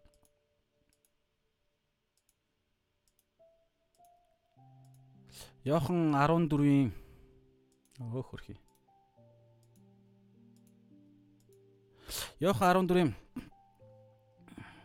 зааж байгаарай санаатгая би хаана оржлаа. Яг нөгөө нэг тэмдэглэснийхаа дагуу яриаг болохоор дунд ингээ сүнс өөр тийш хөдөлж байгаа болохоор санаатгая зааж байгаарай. Аа тий Йохан 16 хавцаа байгаа санаа байна. 16 дээр байгаа юм биш үү? Йохан 16-гийн аа тий энэ дээр аа энэ нар да. Йохан 16-гийн 7 дээр. Гэхдээ би та нарт үннийг хэлж байна. Миний явах нь та нарт дээр. Би явахгүй бол туслагч буюу ариун сүнс та нар дээр ирэхгүй. Харин би явбал түүнийг та нарт руу илгээн. Есүс илгээн. Одоо хараа яах гэж ирж байгаа ариун сүнс. Яах гэж бид энэ дэлхий дээр мөнх амьтаа байгаад байгаа юм. Тэр эрэхтэй нүгэл зөвхт байдал хийгээд шүүлтийн талаар ертөнцийг зэмлэнэ. Энийг бид үздсэн хэсэг. Энд дээр яахтар гүнзгий яриад яах вэ? Довчгооныг яриад байгаа юм. Юу гэсэн үг гэхээр ариун сүнсний бидний дотор оршиж байгаа бидэнд мөнх ам өгөөд тэгээд эцэг Есүсийн баруун гарт за баруун зүн ч юм уу хажууд нь байсан хүн шиг шууд тэр өдөртөө Тэнгэрийн улс руу очиагүй шүү дээ. Бид энэ дэлхий дээр амьдраад байна. Тэгвэл гэж амьдарч байгаа гэхээр ариун сүнс яагаад энэ дэлхий дээр бидний дотор ингээд энэ дэлхий дээр бид нарыг амьдруулад хамт байгаа гэхээр яг энэ Библийн хэллэгээр ертөнцийг зэмлэхийн тулд гэдэг хэллэг. Ариун сүнс ертөнцийг зэмлэхийн тулд ирсэн. Тэгэхдээ энэ тайлбар хэрэгтэй. Тэрийг бид нар одоо доор үзье заяа. Түр та орхичоор. Доор угаасаа гарах учраас би яах яах гэдэг. Тэр хам сэдвийн дагуу яри. Гэтэ гол нь өнөөдөр би одоо сайн урьдч юу ярьж байгаа гэхээр ариун сүнс чинь өөрөө бид нарыг бүрэн бүтэн бол шалаан болгож байгаа. Гэтэ энэ шалаан гэдэг нь өөрөө сайн мэдээний зорилгоор бусдын төлөө энэ дэлхий дээр бид шалаан байгаа байхгүй юу? Тэрнээс биш энэ дэлхий дээр мөнх Тэнгэрийн аанчлал гой аз жаргалтай жинхэнэ шалаан байж. Гэтэ энэ дэлхий дээр яагаад байгаа гэхээр энэ дэлхий дээр ч гэсэн амьдарч байхдаа бид бас аз жаргалтай байхын төлөө гэдэг юм ярихгүй байгаа байхгүй юу? Энэ дэлхий дээр байхдаа ямар зорилготой байгаа гэхээр бусдын авралын төлөө л энэ дэлхий дээр үйлчлэх Яг Есүс яаж үйлчлсэн шиг ингэж л ийм л зоригтой бид энэ дэлхий дээр амьдарч байгаа. Харин жинхэнэ тэр яд жаргалаа сайн сайхнаа эдэлж амьдрах нь мөнхийн улс тун удахгүй. Дуул дээр бол 70 жил гэж байгаа. Ерөнхий э, том насаараа би хүч тэнхээдээ бол 80 жил гэж байгаа. А би тэгэхээр 35 та тэгэхээр миний хувьд ойролцоогоор нэг те 45 жил үлдсэн байна. Ойролцоогоор. Тэр үлдсэн 45 жилдээ би шалаа ариун сүнс энэ дэлхий дээр миний дотор яах гэж ирсэн юм ертөнцийг зэмлэх буюу доор үзэн гэхдээ товчхондоо хэлэхэд бусдад сайн мэдээний төлөө л би энэ дэлхий дээр амьдарч байгаа. Хаанчлалын зорилгоор би амьдарч байгаа. Гэхдээ ингэхэд дуудлага дуудлагаараа гэсэн үг. Том хаанчлалын юмд та ямар дуудлагаар оролцсон, ямар талаан танд өгөгдсөн. Ийм ярьж байгаа шүү. Ингиж Библийн дагуу оюун санаагаа шинжлэхгүй болвол янз бүрийн сорилт сонголт орж ирэхэд бид алдаад байгаа байхгүй. За За тэгэнгүүтлээ үүнийг айлдаад хоёр удаа амар амгалан та нарт байх болцгоо гэдэг дараа эцэг намайг илгээсний адил би та нарыг илгээнэ гэж байгаа. За одоо энэ дэр Энэ бол арда Йохан номын хувьд бол энэ нөгөө нэг Матай 28-ийн 10 19-оос 20 дээр байгаа агуу захирамж чинь энд орж ирж байгаа байхгүй юу? Ингэж давхцаж байгаа. Арда илгээлт ярьж байгааз эцэг намайг илгээсний адил би та нарыг илгээнэ. Матай номон дээр илүү гоё дэлгэрэнгүй байдаг. Аа зарим юмнууд дээр өөр өөр байгаа. Тэгэхээр одоо бүгдээрээ харъя л да. Ерөнхийдөө товчхондоо.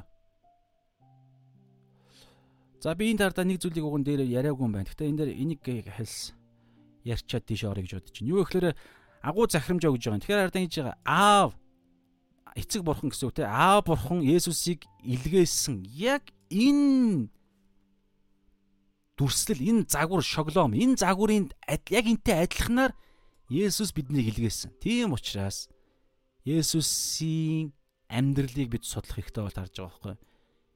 Филиппо 2 2-ын 6-аас 8 11-ээс эхлээл бид судална гэсэн үг. Есүс төгс бурхан байсан.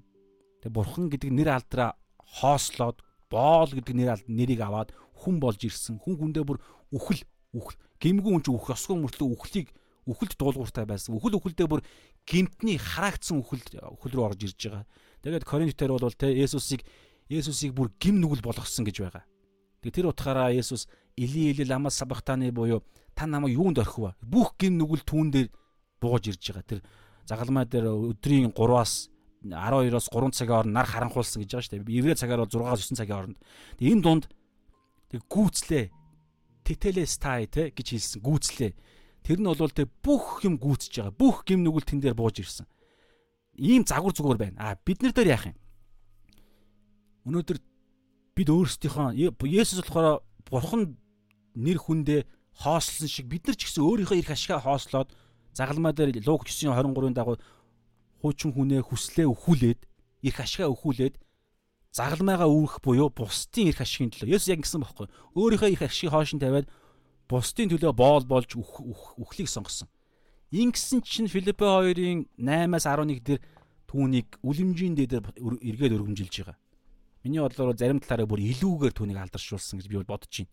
Миний хувьд шүү. Энийг буруу буруу биш байх гэж бодож байна. Яагаад гэвэл Есүс ирэхээс өмнө бол Есүсийг хүн төрлөختөн яг загалмайн тэр за тэр Есүсийн ихэд амьдсан 33 жилийн үр дүнд гарсан тэр нэг юм Есүсийг Бурхныг тэгж мдээгүй байсан шүү дээ. Тэгэхээр өмнө нь өмнөх алдар дараагийн алдар хоёр бол миний бодлоор бол өөр гэж бодож байна. Тэгэхээр юу хэлэх гээд нөхөр илүү дээр ч гэсэн анзаардаг шүү дээ. Йов бүр хоёр дахин илүү өрөөгддөг. Яг энэ бол өөр сэдв. Гэхдээ хэлэх гээд байгаа санаа нь тэгээ бас Матай 19 дээр ч гэсэн байгаа. Та нар миний төлөө миний миний нэрийн төлөө Матай 19-ийн 29 дээр байгаа. Тэгээд тэнцүү Луг 10:30 дээр ч нөө ингээд харьцуулахаар нэг юм гарч иж байгаа. Юу гэхээр Есүсийн нэрийн төлөө буюу сайн мэдээний төлөө золиослсон бүх зүйлээ энэ үед 100 дахин илүү авна. Тэгэхээр эхэлж золиос яригддаг. Дараагаар нь эзэн бүр нэмж өгөх юм яригддаг. Матай 6:33. Бухны хаанчил түүний зорилгын дагуу эхлээд яв тэгвэл бос зүйлийг та нарт нэмж өгнө гэж ярьж байгаа. Тэгэхээр хараа ийм илгээлт хэрэгдэж байгаа. Яг Есүс тэгээд аав Есүс аав бурхан хүү бурхан хоёрын хооронд ямар харилцааг та Библи судалж олж мэдэх хэрэгтэй. Өнөөдрийг хүртэл надтай хамт байсан бол ерөнхийн нэг баримжаа байгаа. Жишээ нь Йохан 17 дээр юу гэдэг вэ? ертөнцийн суураас өмнө аава та намайг хайрладаг байсан гэж ярьж байгаа. Тэгэхээр бүтээлээс өмнө гурвал хоорондоо бие биенээ хайрладаг байсан. Төгс төгсөн байсан. Ганцаарддаг бурхан байгаагүй гэсэн. Бүтээлээс өмнө эцэг хүү хоёр харилцаатай байсан. Бүтээл зориулаад нэг бид нар зориулаад нэг нэг нэг бурхан нэг юм гурван дүр төрхөөр яагаад байгаа юм биш. Нэг бурхан мөн. За би хөөр юм рүү орох гэдэг байна. Нэг бурхан мөртлөө юм гурван бодгал гэж ярьж байгаа хөө гурван хувь чанартай. Тэгээд хамтдаа ингээд нэг юм нэг нэгдмэл. Тэр утгаараа Trinity гэдэг чинь three буюу гурав unity гэдэг нэгдэл гэдгийн нийти гэдэг үг хоёр хамтдаа ингээд гурвлын нэгдэл гэдэг нэг бурхан байхгүй. Тэгэхээр ийм гоё харилцаатай байдлаар ертөнц рүү илгээгдсэн шиг бид нар Есүсийн сүнсийг аваад Есүс миний дотор би бас Есүсийн дотор буюу түүнийг эзнээ болгоод түүний үгээр нь амьдрна. Түүний зорилгыг аваад. Тэгэхээр Есүсийн дотор Йохан 14:23 дээр бас байгаа. Бид уншия л та. Йохан 14:23 дээр хар та. Есүс хэн нэгэн намайг хайрлвал үгийг минь тэр сахих бөгөөд тушаалыг нь сахин түүний зорилгоор амьдрна гэсэн. Эцэг минь ч түүнийг хайрлна. Есүс хайрлна эцэг хайр. Тэгэнгүүт л ардаа бид аав бурхан, хүү бурхан хоёр бид гурвал ярих гэдэг те. Түүн рүү очиж энэ очих гэдэг нь юу юм? Ариун сүнс бурханаараа дамжиж очиод түүнтэй хамт амьдрна. Энэ дотор хардаа энэ өгүүлбэр дотор бүгд явж байгааз бид эцэг бурхан, хүү бурхан түүн рүү гэдэг дээр та та таны нэр та очиж очиж түүнтэй хамт амьдрна. Энэ дээр бол ариун сүнс сүнсээрээ дамжиж эцэг бурхан, хүү бурхан, ариун сүнс бурхан миний дотор харж ийнэ. Ийм гайхалтай. Яг энэ төлөв байдал дотроо байн явдгал хүн энэ дэлхий рүү илгээгдэж байгаа. Тэгээд ийм хүн л яах вэ гэхээр бие биентэйгээ чуулган дотор нэгдмэл байдал чинь энийг яриад байгаа байхгүй. Би бас урд нь үтсэн шүү дээ, тийм. Ийм л тохиолдолд бид ахан дүүс бие биентэйгээ нэгдэж чадна. Есүстэй гурвалтаа эхэлж нэгдэх нэгдэх нэгдэл дээрээ хамаг анхаарал зориулалтаа гаргадаг хүн хажууд байгаа чуулганыхаа ахан дүүс нартайгаа бүр цаашаа дайсантайгаа хүртэл эвтэй байхад ямар ч асуудалгүй. Яагаад гэхээр дайс энэ гурвалч нь өөрөө энэ бүх зүйлсүүдийг хайрлаж байгаа хүчин тэндээс гараад байгаа учраас ийм гайхалтай юм цаана байна. За тэгэнгүүтлээ би тэр өмнөх нэг марцсан юм энэ дэр юу гэж байгаа вэ? Аа энэ дэр хүүхд чиг итгэл энэ дэр ингэж байгаа байхгүй юу? Есүсийг би зүгээр нэг зүйлийг цус дурдаад байгаа. Библи судал учраас ганц нэг юм орхимооргүй байна. Боломжоор олж мэдсэн юм аа. Энд дэр гэсэн шүү дээ а үүнийг айлдаа те амар амар эхний удаа амар амгалан байх болтгой шалаам гэж хэлэнгүүтлээ Есүс тэдэнд гар хажуугаа үзүүлсэн шавнар нь эзнийг хараад ихэд баярлав харж ижил баярлж байгаа өмнө нь бол те айгаа сүнс байна мэн гэд тэгэхээр энэ баталгааг авсныхаа дараа нь баярлж байгаа байхгүй эндээс зүгээр би бас нэг үнцэг гарах гэдэг нь юу гэхээр Тэнгэрийн хаанчлалын сүнслэг амьдрал дээр баталгаа бий болж ижил итгэдэг итгэлийг нөх үнэлдэггүй нэг чухал нэг мундаг итгэлийг ярьдаггүй байхгүй харин хүүхчиг итгэлийг ярьдаг. Энэ дээр марк дээр марк дээр марк 10 дээр хараа ингэж байгаа. Марк 10:15 дээр үннээр би та нарт хэлье. Бурхны хаанчлалыг хүүхэд адил хүлээж аваагүй хүн тийш ер орохгүй. Өөрөөр хэлбэл Бурхны хаанчлал руу ямар хүн аврагддаг вэ гэхээр Есүсийн сайн мэдээнд мэдээ Есүсийн хин гэдэг дээр миний төлөө юу хийсэн гэдэг дээр шууд итгэдэг. Тэр үгэнд нь одоо бид нар бол 2000 жилийн дараа ч гэсэн тэр нэг сайн мэдээ Библийн тэ энэ ишл мишлийг харангуудаа тэрэн дээр тэрийг заавал ингээл батлаалтай зааж байгаараа тэгвэл а миний өвчнийг идгээч тэгвэл би итгэлээ. Мэдээж иймэрхүү болдог гэж болно те эзэн нэгүүлсэнгүй учраас. Тэгвэл ямар итгэлийг Мата 18 дээр ч гэсэн 19 18 дээр хэлж байгаачлан 18 дээр хэлж байгаачлан ямар хүн Тэнгэрийн хаанчлалд хамгийн агуу болох вэ гэхээр хүүхэд шиг нэгэн Тэнгэрийн хаанчлалд хамгийн агуу гэгдэн гэж байгаа байхгүй. Гэхдээ энэ дэр Тэнгэрийн хаанчлалд ороход та нар хэрэг өөрсдийгөө даруусгаад хүүхэд адил болохгүй бол та нар яасан ч Тэнгэрийн хаанчлалд орохгүй гэж Мата 18-ийн 1 хавцаа байгаа. Нэгдүгээр ишлэл хавцаа байгаа. Дараагаар нь Тэнгэрийн хаанчлалд ямар хүн орсныхоо дараа нь бас ямар хүн Тэнгэрийн хаанчлалд хамгийн агуу байх вэ гэхээр үргэлжлүүлэн үргэлжлүүлэн гэдэг үг нь байхгүй л. Гэхдээ тэндээс тийм илэрж байгаа. Та нар Тэнгэрийн хаанчлал хүүхэд шиг тэр хам сэдвийн дагуу үргэлжлүүлэн хүүхэд шиг байсаар байгаа нэг нь Тэнгэрийн хаанчлал агуу нэгдэн гэж байгаа байхгүй. Агуу агуу нэгдэн. Орхот хүүхэд шиг бас орсныхаа дараа ч гэсэн Тэнгэрийн хаанчлалд ямар хүн илүү те хувь тавилан дээрээ үрж үр жимстэй байх вэ гэхээр үргэлжлүүлэн хүүхэд шиг байсаар л байх. Тэгвэл хүүхэд шиг хүүхэд шиг гэж юу яриад байгаа юм? Заавал баталгаа авдаггүй. Есүсийн үг нь үг нь буюу Библи түүлийн баталгаа гэд түүнд итгээд тэрүүгээр шууд үйлддэг нэгэн. А ингээд баталгаа нь дараа нь орж ирдэг штэ. Еврей 11 дээр итгэл бол гэж байгаа. Тэр үгийн дагуу а Библийн үгийн дагуу үйлддэг итгэл бол гэсэн. Үйлснийх нь дараа нь гэсэн үг байхгүй юу? Итгэл бол найддаг зүйлсийн баталгаа харагдахгүй зүйлс, найддаг зүйлсийн бодит байдал харагдахгүй зүйлсийн баталгаа. Итгэл үйлдснийх нь дараа нь тэр нь орж ирдэг. Баталгаа нь. Үйлдгээс өмнө эхлээд надад баталчих. Дараа нь тэгвэл би энэ ийм сонголтыг хийя гэдэг биш. Үгэнд нь итгээд үйлдэх үед баталгаа нь орж ирдэг. Тэгээд энэ баталгаа чинь алхам алхам дуулал 119-ийн 105 дээр буюу таны үг бол хөлдөх дэнлүү буюу алхам алхамаар алхат. Тэгээд Ром 1:17 дээр бол итгэл бол зөвхөн итгэлээр амьдраа тэгээд итгэлээс итгэл зөвхт байдал нь сайн мэдээний дотор илчлэгддэг. Итгэлээс итгэлд нэг нэг итгэлийн баталгаа дараагийн итгэлийн баталгаа ийм байнгын явц яриад байгаа байхгүй. Тийм учраас түрүүний тэд нар бол те Есүсийн амьсныг нь хараад загас идж байгааг нь хараад сорир руу гараа хийж үзчихийж дараагаар нь баярлаад итгэж гин. А Томос нар бид нар бас үзнэ. Биднэрт хамаатай бас нэг хэсэг байгаа. Биднэрт бас нэг ерөө бид нар бас ерөөлийн нэг онцгой хэсэг байгаа байхгүй юу? Зарим талаараа бид нар илүү байгаа, зарим талаараа шүү. Тэгэхээр тэр зүйл дээр ярьж гин. Тийм учраас хүүхд шиг та энэ одоо энэ дэлхий дээр амьдарж байгаа нэг ч хүн Есүсийг бодиттой энэ нүдэрээ хараагүй. Тэгсэн мөртлөө бүхнээ зориулж байна. Юу юм хүүхд чи ихтэл байгаа. Хараагүй мөртлөө түүний үгэнд нь итгэсэн. Тэгээ итгэл нь Ром Еврей 11-1-ийн дагаа баталгаатай баталгаа өгөөд тэгээд тэр нь бүр баталгаатай болж ирж байгаа. Ийм гайхалтай юм ярьж байгаа. Энэ дэр ингэж хүүхд чиг байхад нэг юм чадвар над нэг маш чухал нэг юм төлөв байдал байж иж энэ хүүхд чиг байх боломжтой гэж би зүгээр харсан бохоггүй. Юу ихлээр Матай 5 дээр маш чухал нэг үг байгаа. Энэ дандаа энэ яригдана. Матай 5-ын Матай 5-ын ардаа 3 дугаар ишлэл. Та одоо ардаа нэг ханс хамсад үг ойлгоорой. Матай 5 дугаар бүлэгээс ерөнхийдөө Есүсийн юунууд эхэлж байгаа. Номлолууд эхэлж байгаа. Тэгээ Матай 5 6 7 гээд энэ 7 3 бүлэг дээр Матай Матай гэдэг номын Матай гэдэг энэ зохиогч маань татвар хураагч 12-ийн 1 байсан энэ маань энийг сонгож байгаа. Яг дис дараагаар нь номлол яг эндээс эхэлж байгаа байхгүй. Тэгээд Есүсийн номлол хамгийн эхлээд түүний хэлсэн номлолтын хамгийн эхнийх нь үгийн таар та. За би нэгээс нь уншиж л та. Есүс олон түмэн олныг хараад уулууд гарын суухад шамнар түн дээр ирлээ. Тэр аам найн тэдэнд сургамжилж хэлэхдээ хамгийн эхний хэлсэн үгийн таар та. Сүнсэндээ ядуу хүн өрөөлтэй, ядуус өрөөлтэй Тэнгэрийн хаанчлалт тэднийх буюу сүнсэндээ ядуу хүн л Тэнгэрийн хаанчлалд ордог гэсэн үг сүнсэндээ ядуу хүн Тэнгэрийн хаанчлал дотор Тэнгэрийн хаанчлалын зорилгын дагуу явдаг. За энэ юу гэсэн үг юм? Энэ ядуу гэдэг үг бол англи хэл дээр бол те одоо мартчихна. Аа за мартчих. Ямар ч усан пүүр биш. Өөр нэг үг байгаа.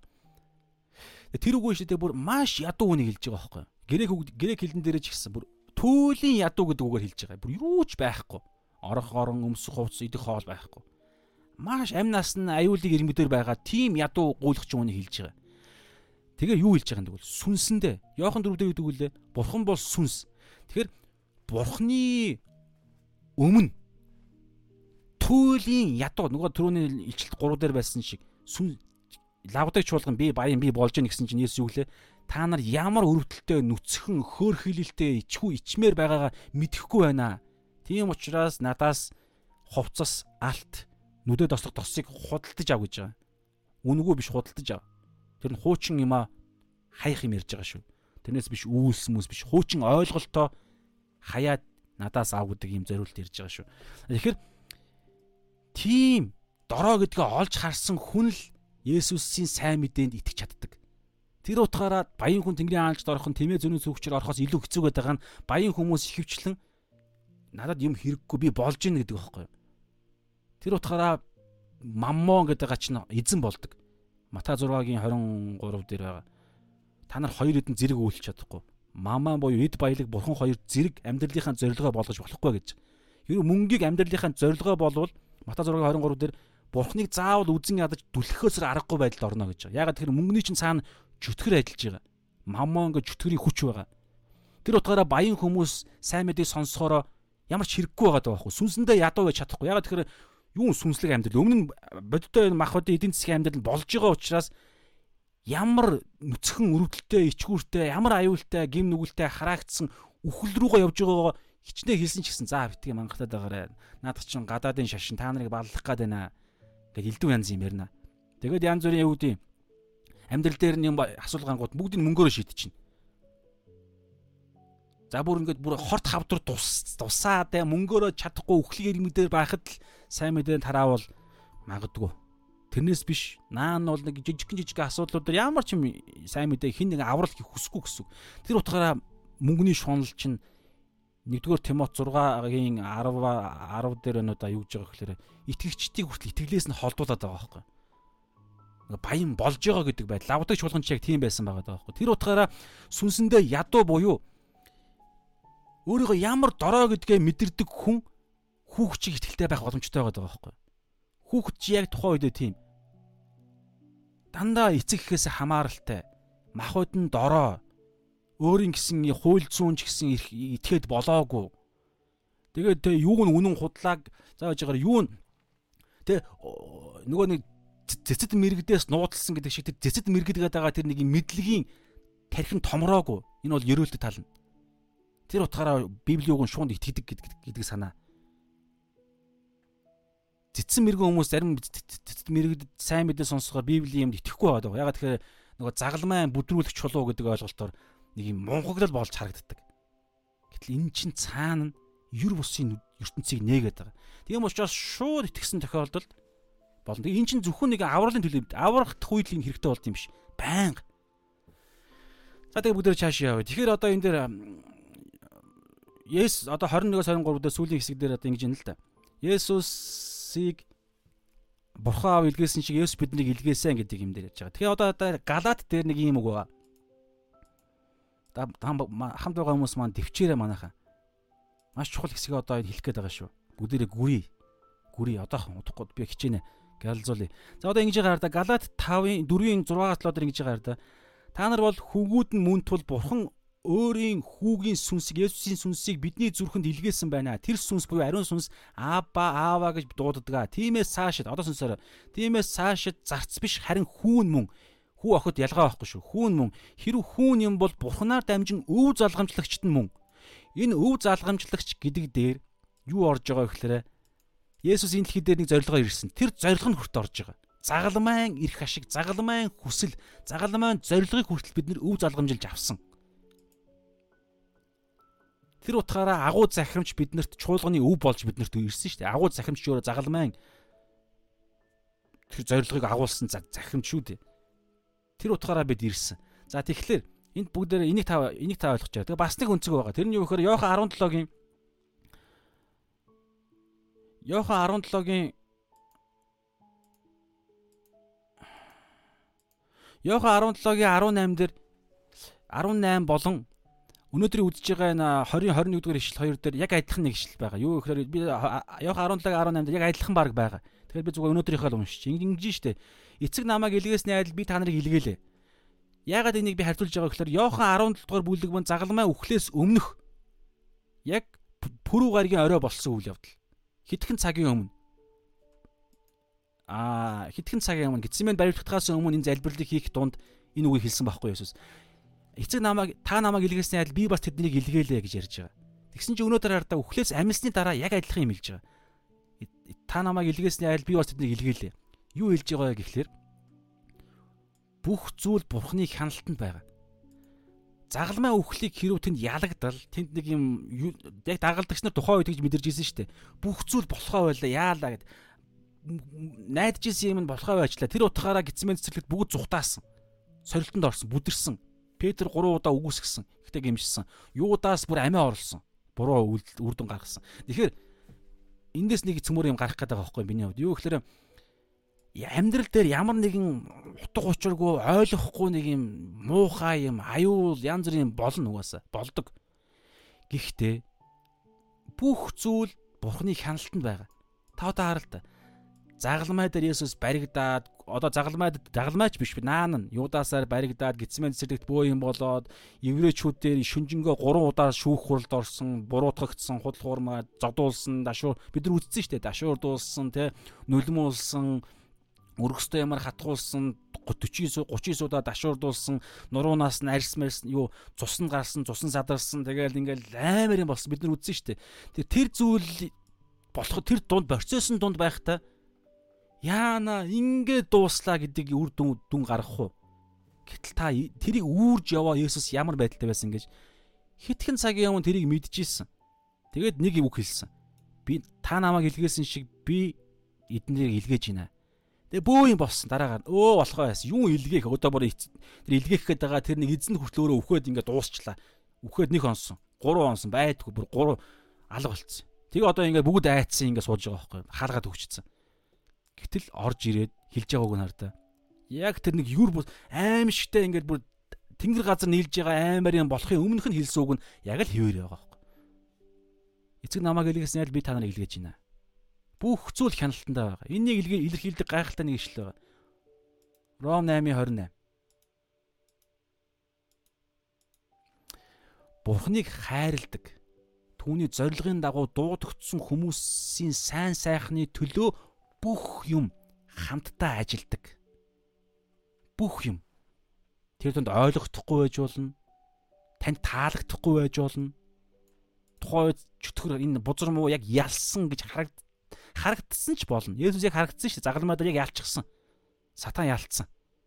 Үхсэн. Байхгүй. Дагалд гэсэн бүгд нураад алга болсон. Цухтагаа алга болсон. Гэтэ бүх зүйл гол хоёр юм танд байгаа л бол бүх зүйл таны сайн сайхны төлөө ажиллаж байгаа. Цаг нь болоход эзний товлсон цаг гэж ярьдаг. Юу вэ? Та бурхныг хайрлж гин үү? Энд дээр Йохан 14 дээр 14-ийн 15 21 23 дээр давтан давтан хэлж байгаа. Та нар намайг хайрладаг бол тушаалуудыг сах. Гурван удаа давтаж байгаа.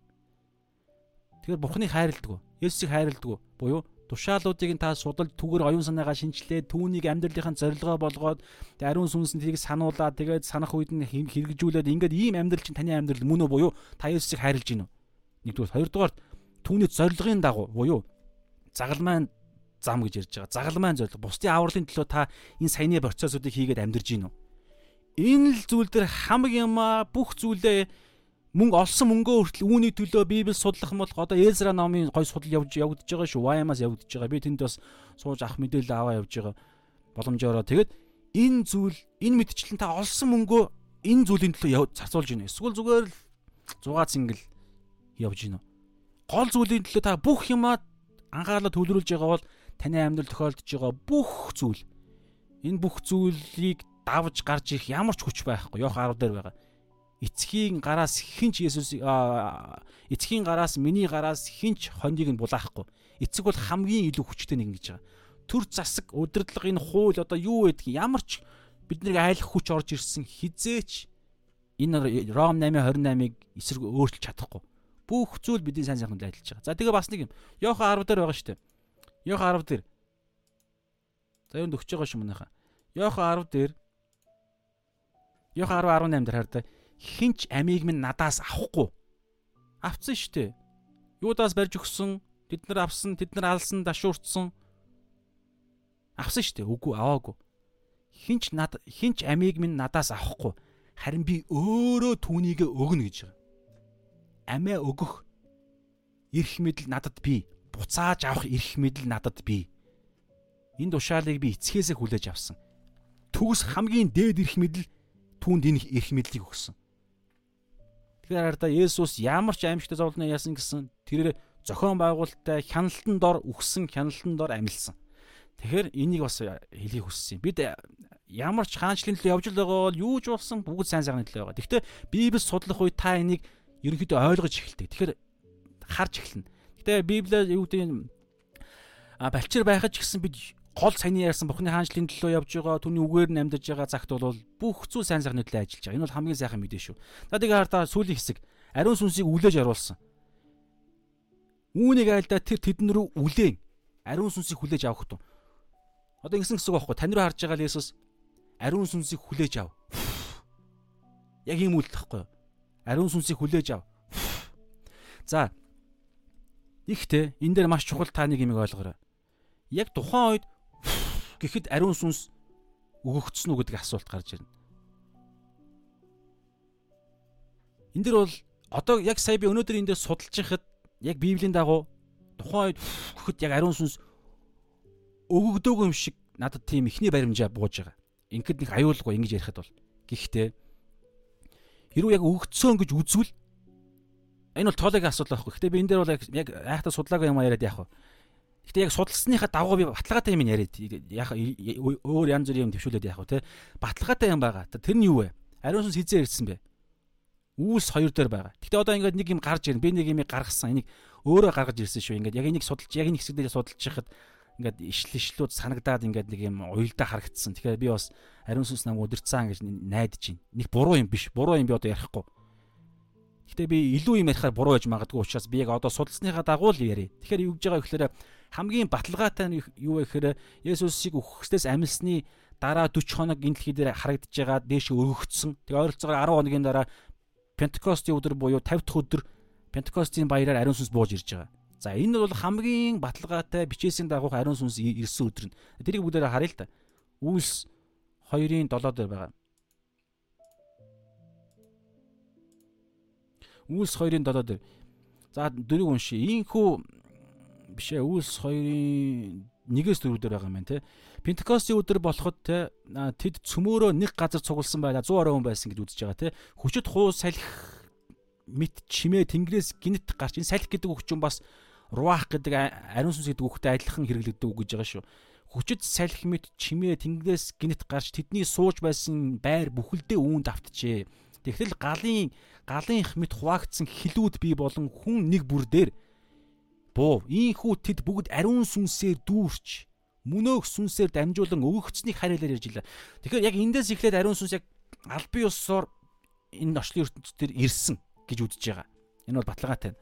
Тэгвэл тэр өмнөх ариун сүнсийг хүлээж агаад гэж үлээсэн Йохан бидний үзэж байгаа Йохан 20-ын энэ ишлэл юу болж байгаа вэ? Энийг бүгдээрээ тайлбарлая боломжоор. Хаана вэ? Йохан 20 22 дээр. За энийг ярихад нэг нэг юм яригднаа. Тэгэхээр хараа энэ ариун сүнс яг биелсэн нь яг ирсэн нь бол Үлс 2-ын 1-ээс 4. Гэхдээ наан нь Есүс 50 хоногийн өмнө гэсэн үг шүү дээ. Ариун сүнс ирэхээс 50 хоногийн өмнө амилсан өдрөө ойролцоогоор 50 хоног би нарийн шимээс наан цанаа орж магадгүй. 50 хоногийн өмнө нэг юм үйлдэл хийгээд байгааз гэж үлээсэн. Тэгэхээр энэ ямар утга учиртай юм болчих вэ? Миний одоогийн байдлаар анзаарж байгаа нь эхлэл рүү бүгд ямар ч очие. Эхлэл 2 дээр энэ үлээлт бас хийгдсэн. Эхлэл 2-ын 7 дээр Тэгэхэд анхны хүн яг ам ороход тэгэхэд эзэн бурхан газар шороноос хүнийг буюу Адамыг энэ үг нь хүртэл Адам гэдэг үг шүү. Еврей хэл дээр. За хүнийг хүнийг уурлаад амин амьсгалыг нь хамраар нь үлээж оруулахад хүн амьд биет болжээ. Үлээх гэдэг үг байгааз. Гэхдээ би эхлээс нь харлаа. Энэ амин амьсгал гэдэг үг нь руах гэдэг үг байх юм болов гэсэн үг биш вэ шүү. Руах биш вэ. Гэхдээ хам сэдвэрээ ариун сүнс энд тэнд байсан бол таарж байгаа байхгүй амьд оршигч байсан. Тэгээд тэнд амийн мод байсан. Энэ бол өөр ойлголт. Тухайн үед эдийн засаг буюу Тэнгэрийн улс, Тэнгэрийн хаанчлал энэ дэлхийн хоёр ингээд огтлж исэн үегээд байгаа шүү дээ. Тухайн үед хүн гим нүгэл үлдээгөө байсан. Цаг хугацаа үхэл гэдэг юм орж ирээгөө байсан. Хүний бие мөнх амьдрах боломжтой байсан. Энэ үед нэг ийм ойлголт бий байсан. Гэхдээ ямар ч хэлэх гээд байгаа санаа нь бурхан бурхан шүү. Энэ гол үг нь хараа бурхан үлээсэн. Одоо Есүс ч ямар би нэг зүйлийг дэвшүүлэх гээд байна л. Есүс одоо бурхан мөн үү? Мөн. Ром 1-ийн 3 дээр үхсдээс амьснараа Бурхны хүү гэж тунхаглагдсан бидний аавч Есүс Христ. Тэгэхдээ Есүс Тэнгэрийн улс руу очиагүй байгаа. Энд нэг юм ялгаа байгаа байхгүй юу? Тэнгэрийн улс руу очиагүй байгаа газар дээр байна. Гэхдээ Есүс Бурхан Бурхан төлөв байдал дээр байдлаараа амилцсан. Тэгэхээр тэгтээ эцгийн баруун гартал очиагүй байгаа. Тэр утгаараа ингээд нэг юм тэгээд тэнд тэгсэн мөртлөө үлээлт хийгдэд байна. Яг эхлэл 2-ын 7 дээр байсан шиг үлээсэн. Тэгсэн мөртлөө одоо ардаа нэг ишлэл байгаа. Луг 24 дээр та нар хүлээгээрэй гэж хэлж байгаа.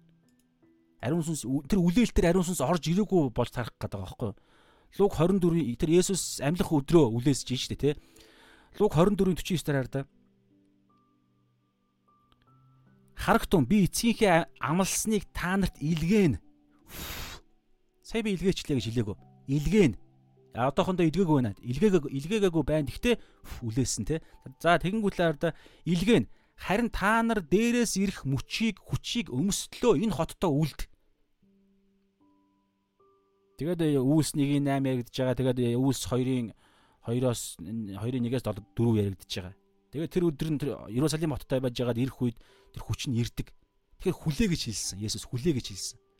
Тэгсэн мөртлөө наан ариун сүнсийг хүлээж авах гэж хэлсэн. Тэгвэл тэр нэг юм бэлгэдлийн гэж би бол хараад байгаа байхгүй бэлгэдлийнх. Ерөнхийдөө бол иймэрхүү бас юм байдаг санагдаж байна.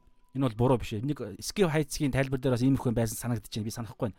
Тэгэхээр хараа одоо энэ Библийн хамсад яг тэгж байгаа угаасаа. Одоо би дахиад нэг жоохон энийг жоохон батлаадах юм. Бурхан эхлэл 2-ын 7 дээр бол хүлээж үлээгээд хүн амьд орш босно. Гэхдээ энэ болохоор а махбод нь махбодороо ингээд арьсан шороогоор бүтээгдсэн хүн ингээд амьд орш болсон. Гэхдээ бурхан түүнтэй хамт эдийн засагт хамт алхаж исэн. Тэгээд хүн тэ бурхантай харилцаж байна гэдэг чинь тэнд чинь нэг юм гим нүгэлгүй байдал байна. Эн чинь өөрөө ам яригдж байгаа. А тэгээд гим нүгэл үйлцсэний дараа эдийн цэцлэгээс хөөгдөж байгаа. Эдийн цэцлэгээс салж байгаа. Эдийн цэцлэгийн дэлхийгээс ингээд салсан гэдэг ойлголт яригдж байгаа. Барим судалгаа яригдж байгаа. Ингээд ирэхээр ариун сүнс гим нүгэл үйлцсэний дараагаар нь ариун сүнс салж гинэ гэдэг бас ойлголт байгаа.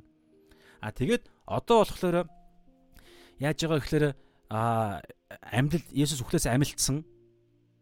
Тэгээд ирээдүйд буюу 50 хоногийн дараа удахгүй түрүүн Лук 24:49-д хэлсэн шиг яг тэр амлагдсан нэгэн ир хүртэл хүлээ. Гэхдээ би одоо миний хэлэх гээд байгаа тайлбарлах гээд байгаа санаа нь 50 хоногийн дараа ч юм уу те тэр өдөр цаг нь болоход би та нар руу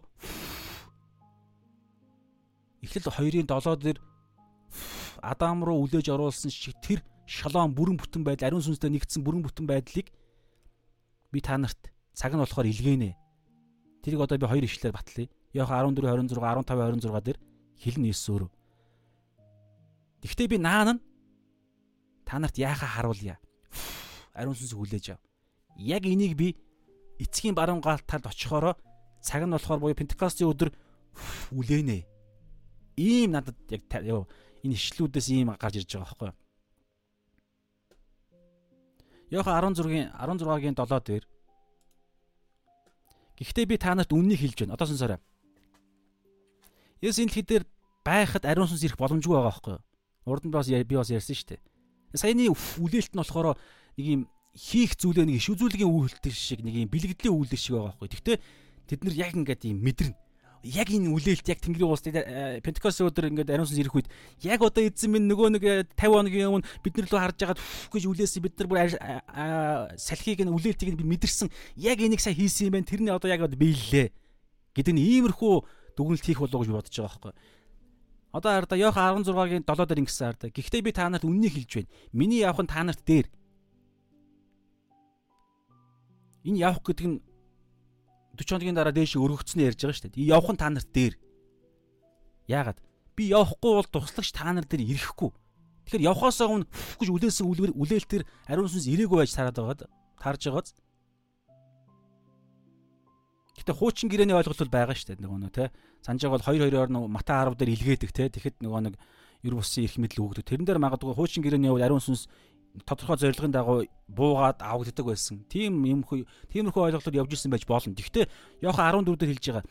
Одоо та нар ариун сүнсийг те бүр ингээд урд нь мэддэг байсан. Гэхдээ одоо та нар бүр ариун сүнс тааны дотор хамт байна гэдэг ойлголт Йохан 14 14 дээр хэлж байгаа. Тэр ойлголт бол анх удаа байхгүй юу? Яг тэр ойлголт бол Пентекост өдөр болж байгаа байхгүй. Тэрнээс өмнө бол хуучин гэрээний ойлголтоор ариун сүнсийг хэд мэддэг байсан. Тэгээд ингээд тодорхой зорилгоор ирж бууж ирсэн байж болно. Тиймэрхүү юм бол байгаа. Гэхдээ энэ дээр хараа миний явах нь та нарт би явахгүй бол туслагч та нарт ирэхгүй буюу та нарын дотор явах 14 дээр хэлж байгаа та та нарын дотор бүр нутаглаад явах 14 16 дээр хэлж байгаачлан үүрт хамт ингэж хамтдаа амьдрна гэдэг бас явах 14 23 дээр хэлж байгаа тэр хамтдаа амьдрна гэдэг ойлголт ойлголт бол Есүс дэш явахгүй бол ирэхгүй байгаа даа байхгүй юу? Би явахгүй бол туслагч та нар дээр ирэхгүй. Харин би явбал түүнийг та нар руу илгээнэ гэж байгааз. Газар дээр байж захтай биш. Эцгийн эцгийн баруун гартал Даниэл 7-оос хэлж байгаа те хүний хүү эцгийн баруун гарталд эцгийн баруун гарталд байхдаа одоо хардаа бүр орших газраараа хүртэл бурхан гэдэг байр суурин дээрээ Филиппо 2-ын 8-аас 11-ийн дагуу эргээд яг бурхан бууж ирсэн шигэ ирэхээс өмнө хаан байсан тэр газар дээрээ эргээд очих үедээ үлээх гээд байгаа байхгүй юу. Эхлэл 2-ын 7 яг ингэсэн шүү дээ. Бурхан гэдэг төлөв байдлаасаа Адам руу үлээсэн. А яг энэ өнөөдрийн бидний үзэж байгаа 20 20 22 дээр байгаа энэхүү үлээлт бол газар дээр байгаад байгаа Иесус. Тэр утгаараа арай болоогүй байна. Тэг хүлээгээд байгаа. Харин дээшээ эцгийн баруун гарталд очсныхаа дараагаар нь үлээгж байгаа нь тэд мэдэхгүй штэ. Мэдэхгүй дээшээ хинч харж чадахгүй. А тийм учраас наан нь өөртчиж ийм юм болно гэдгээ үлээсэн гэдэг. Ийм ойлголт байгаа шүү. Тэгээд тэр эрэхтэй нүгэл зүйт байдлын дагуу ингээд ариун сүнс ирсэн зориг байгаа. За тэгэхээр ийм зүйл байна. За тэгээ одоо энэ дээр хардаа нэг ойлголт байгаа хардаа. Яалтчгүй ариун сүнсийг илгээнэ гэдэг ойлголт. Дээрээс бурхан өөрөө илгээнэ. Тэгэхэд эцэг илгээнэ хүү илгээнэ гэдэг юм ярьж байгаа. Тэгвэл хүү өөрөө энэ газар дээрээс биш. Эцгээс гэж ярьж байгаа. Энийг ишлэр нь бүгдээр батлаа. Йохан 14 Йохан 14 26, Йохан 15 26 яг адилхан ишлэл нь адилхан. Йохан 14 26 дээр та харин туслагч буюу миний нэрээр Есүсийн нэрээр эцгийн илгээх эцэг хаана байгаа юм? Өөрийнхөө оршихуйд 3 дахь тэнгэр гэж байгаа тэнгэрийн улсад байгаа.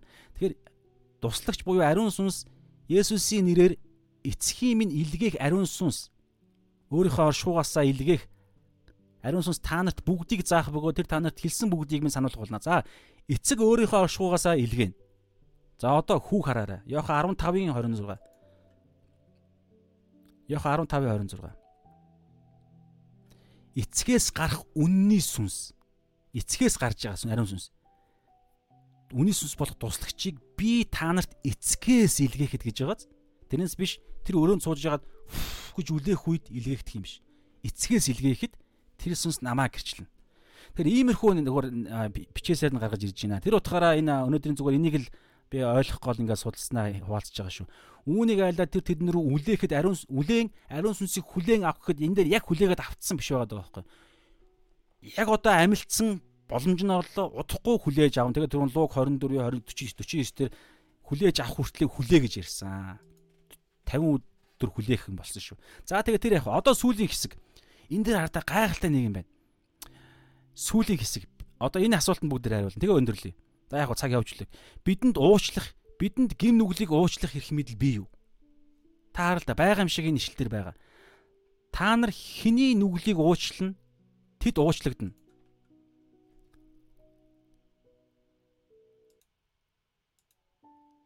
Та нар хэний нүглийг уучлана? Тэд уучлагдана. Та нар хэний нүглийг үл уучлана? Тэд үл уучлагдах болно буюу уучлагдахгүй. За энэ ишлийг бүгдээрээ маш сайн ойлгохгүй эндээс буруу тайлбар гарч ирдэг байгаа даа.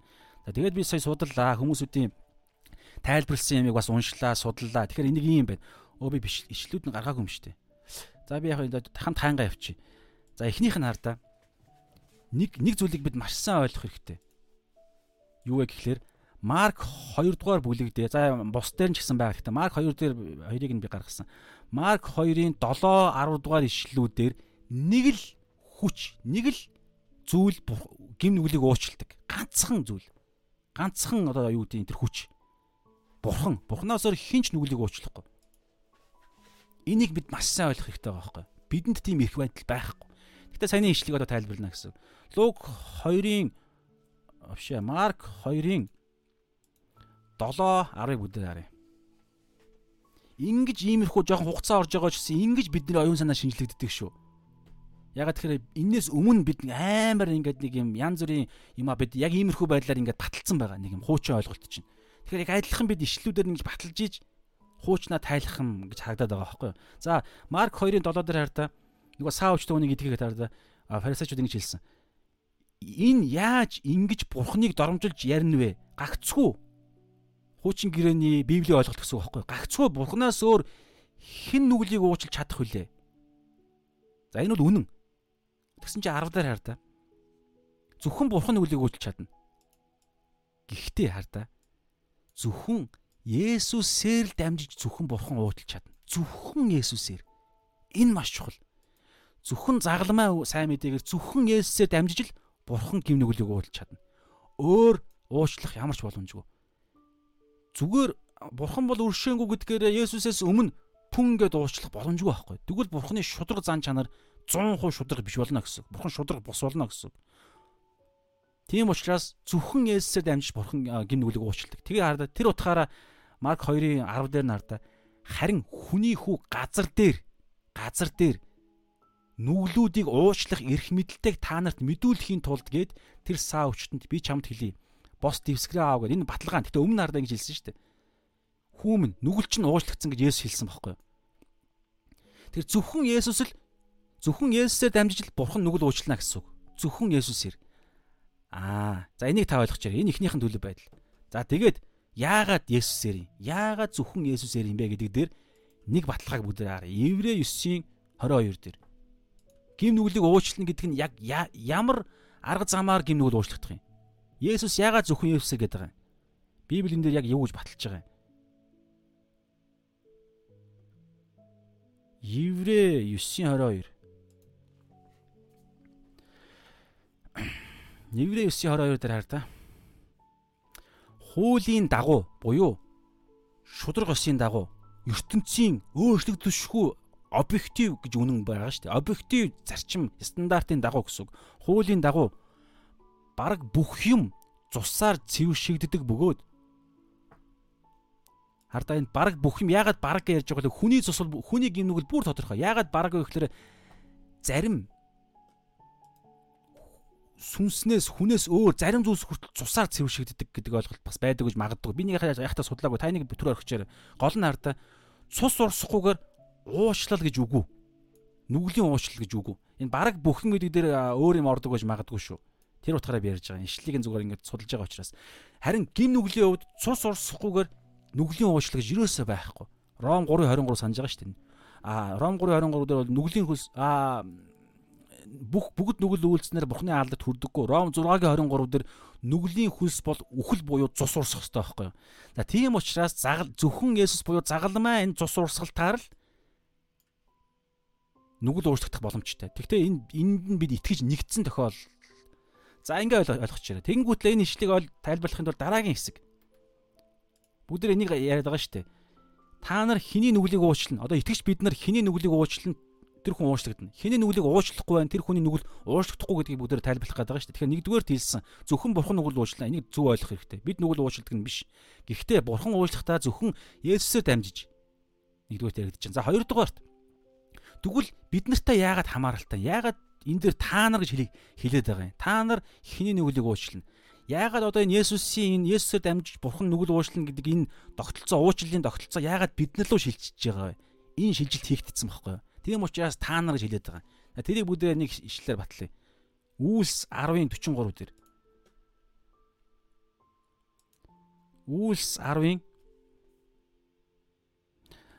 Үйлс 10-ын 43 дээр хар та. Нэг Корнел Петр Корнелоор очиж сайн мэдээ тараахад болдог үйл явдал те. Үйлс 10-ын 43 43 44. За ингэж түүнд итгэсэн хэн боловч энэ бол Есүс загалмай үйл явдал сайн мэдээ нөгөө цус Есүсийн цуснд гэсэн үг.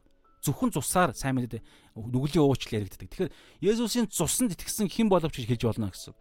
Түүнд итгэсэн хэн боловч итгэсэн буюу түүнд итгэж нэгдэж амьдралынхаа эзнээ болгосон. За тэр яг түүнд итгэсэн хэн боловч түүний нэрээр нүглийн уучлалыг хүлээн авдаг гэж бүх иш үзүүлэгчид түүнийг гэрчилдэг.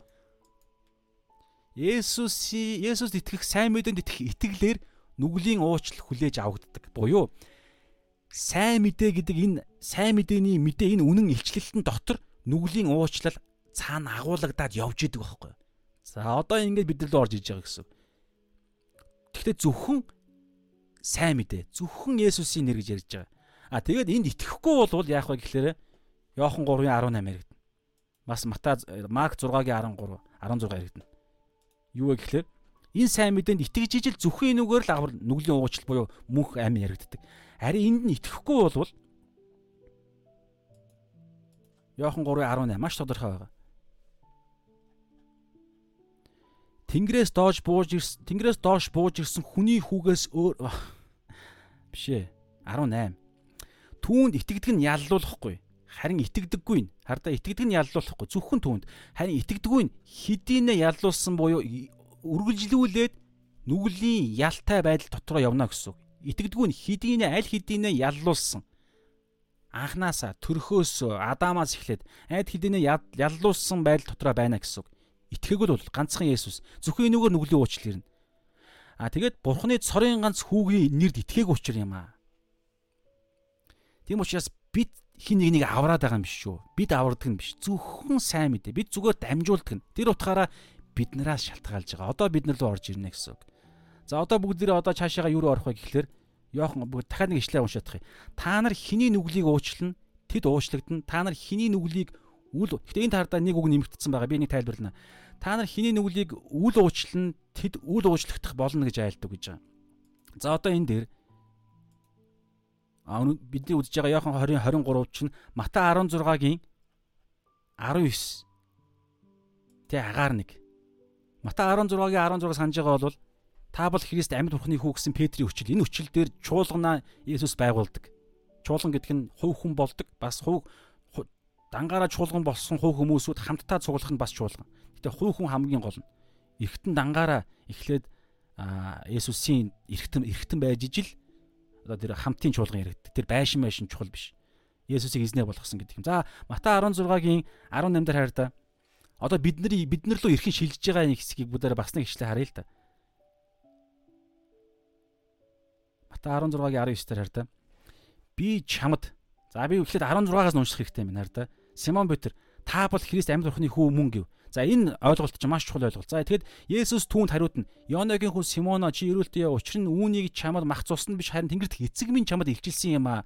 Мэргэн ухаантайтай биш. Бурхан өөрөө зүгээр Бурхан аав түүнд бэлэг өгсөн гэсэн илчилтийг өгсөн гэсэн. Тийм учраас сайрхал байж болохгүй. Гэтэл Петр сайрхаснараа дараагаар нь алдаа гаргаад сатанаараа дуудулдаг те яг энэ хэсэг дээр. За 18 би юм чамд хэлье. Чи бол Петр. Энэ хадан дээр би чуулгана босгоно. Петр дээр биш католикуудын ариун Петрийн чуулган болгон тэр чухал биш. Та бол Христ амьд бурхны хүү гэдэг энэ ойлголт энэ үнэн илчлэлтэн дээр чуулган барьж байгуулагддаг. Хувь итгэгч хүн энэ ойлголтын дээр байгуулагддаг. За хараа энэ ойлголт нь ойлголт энэ эрх мэдлийг өгж байгаа байхгүй юу? Та бол Христ амьд бурхны хүү. Энэ энэ хадан дээр би чуулганаа босгох бөгөөд түүнийг одоо сонсож байгаарай. Энэ ойлголт энэ итгэлтэй нэгдсэн энэ ойлголтын дотор явдаг хүнд ямар эрх мэдэл дагалдж байгаа гэхээр хараа үхөхсдийн орны хаалга дийлэхгүй.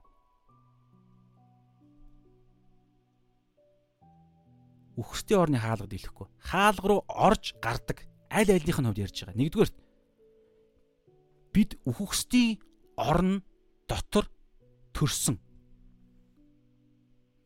Энэ дэлхийн ертөнцийн чинь гадуураа ингээд ойлгохтойгоор яри. Гадуур нь үхсдийн орны хаалга, гадуур нь хаалттай байгаа.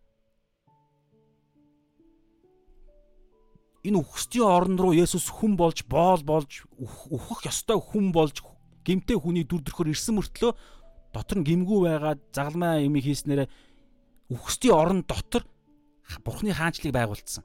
Тэгээ энд итгэснээрээ үхс дотроосоо эхлээд үхсдийн орноос дээшгээ цөм зөхөж гарах боломж нь эрх мэдэл нь та бол Христ амьд бурхны хүү гэдэг энэ итгэл дотор байдаг.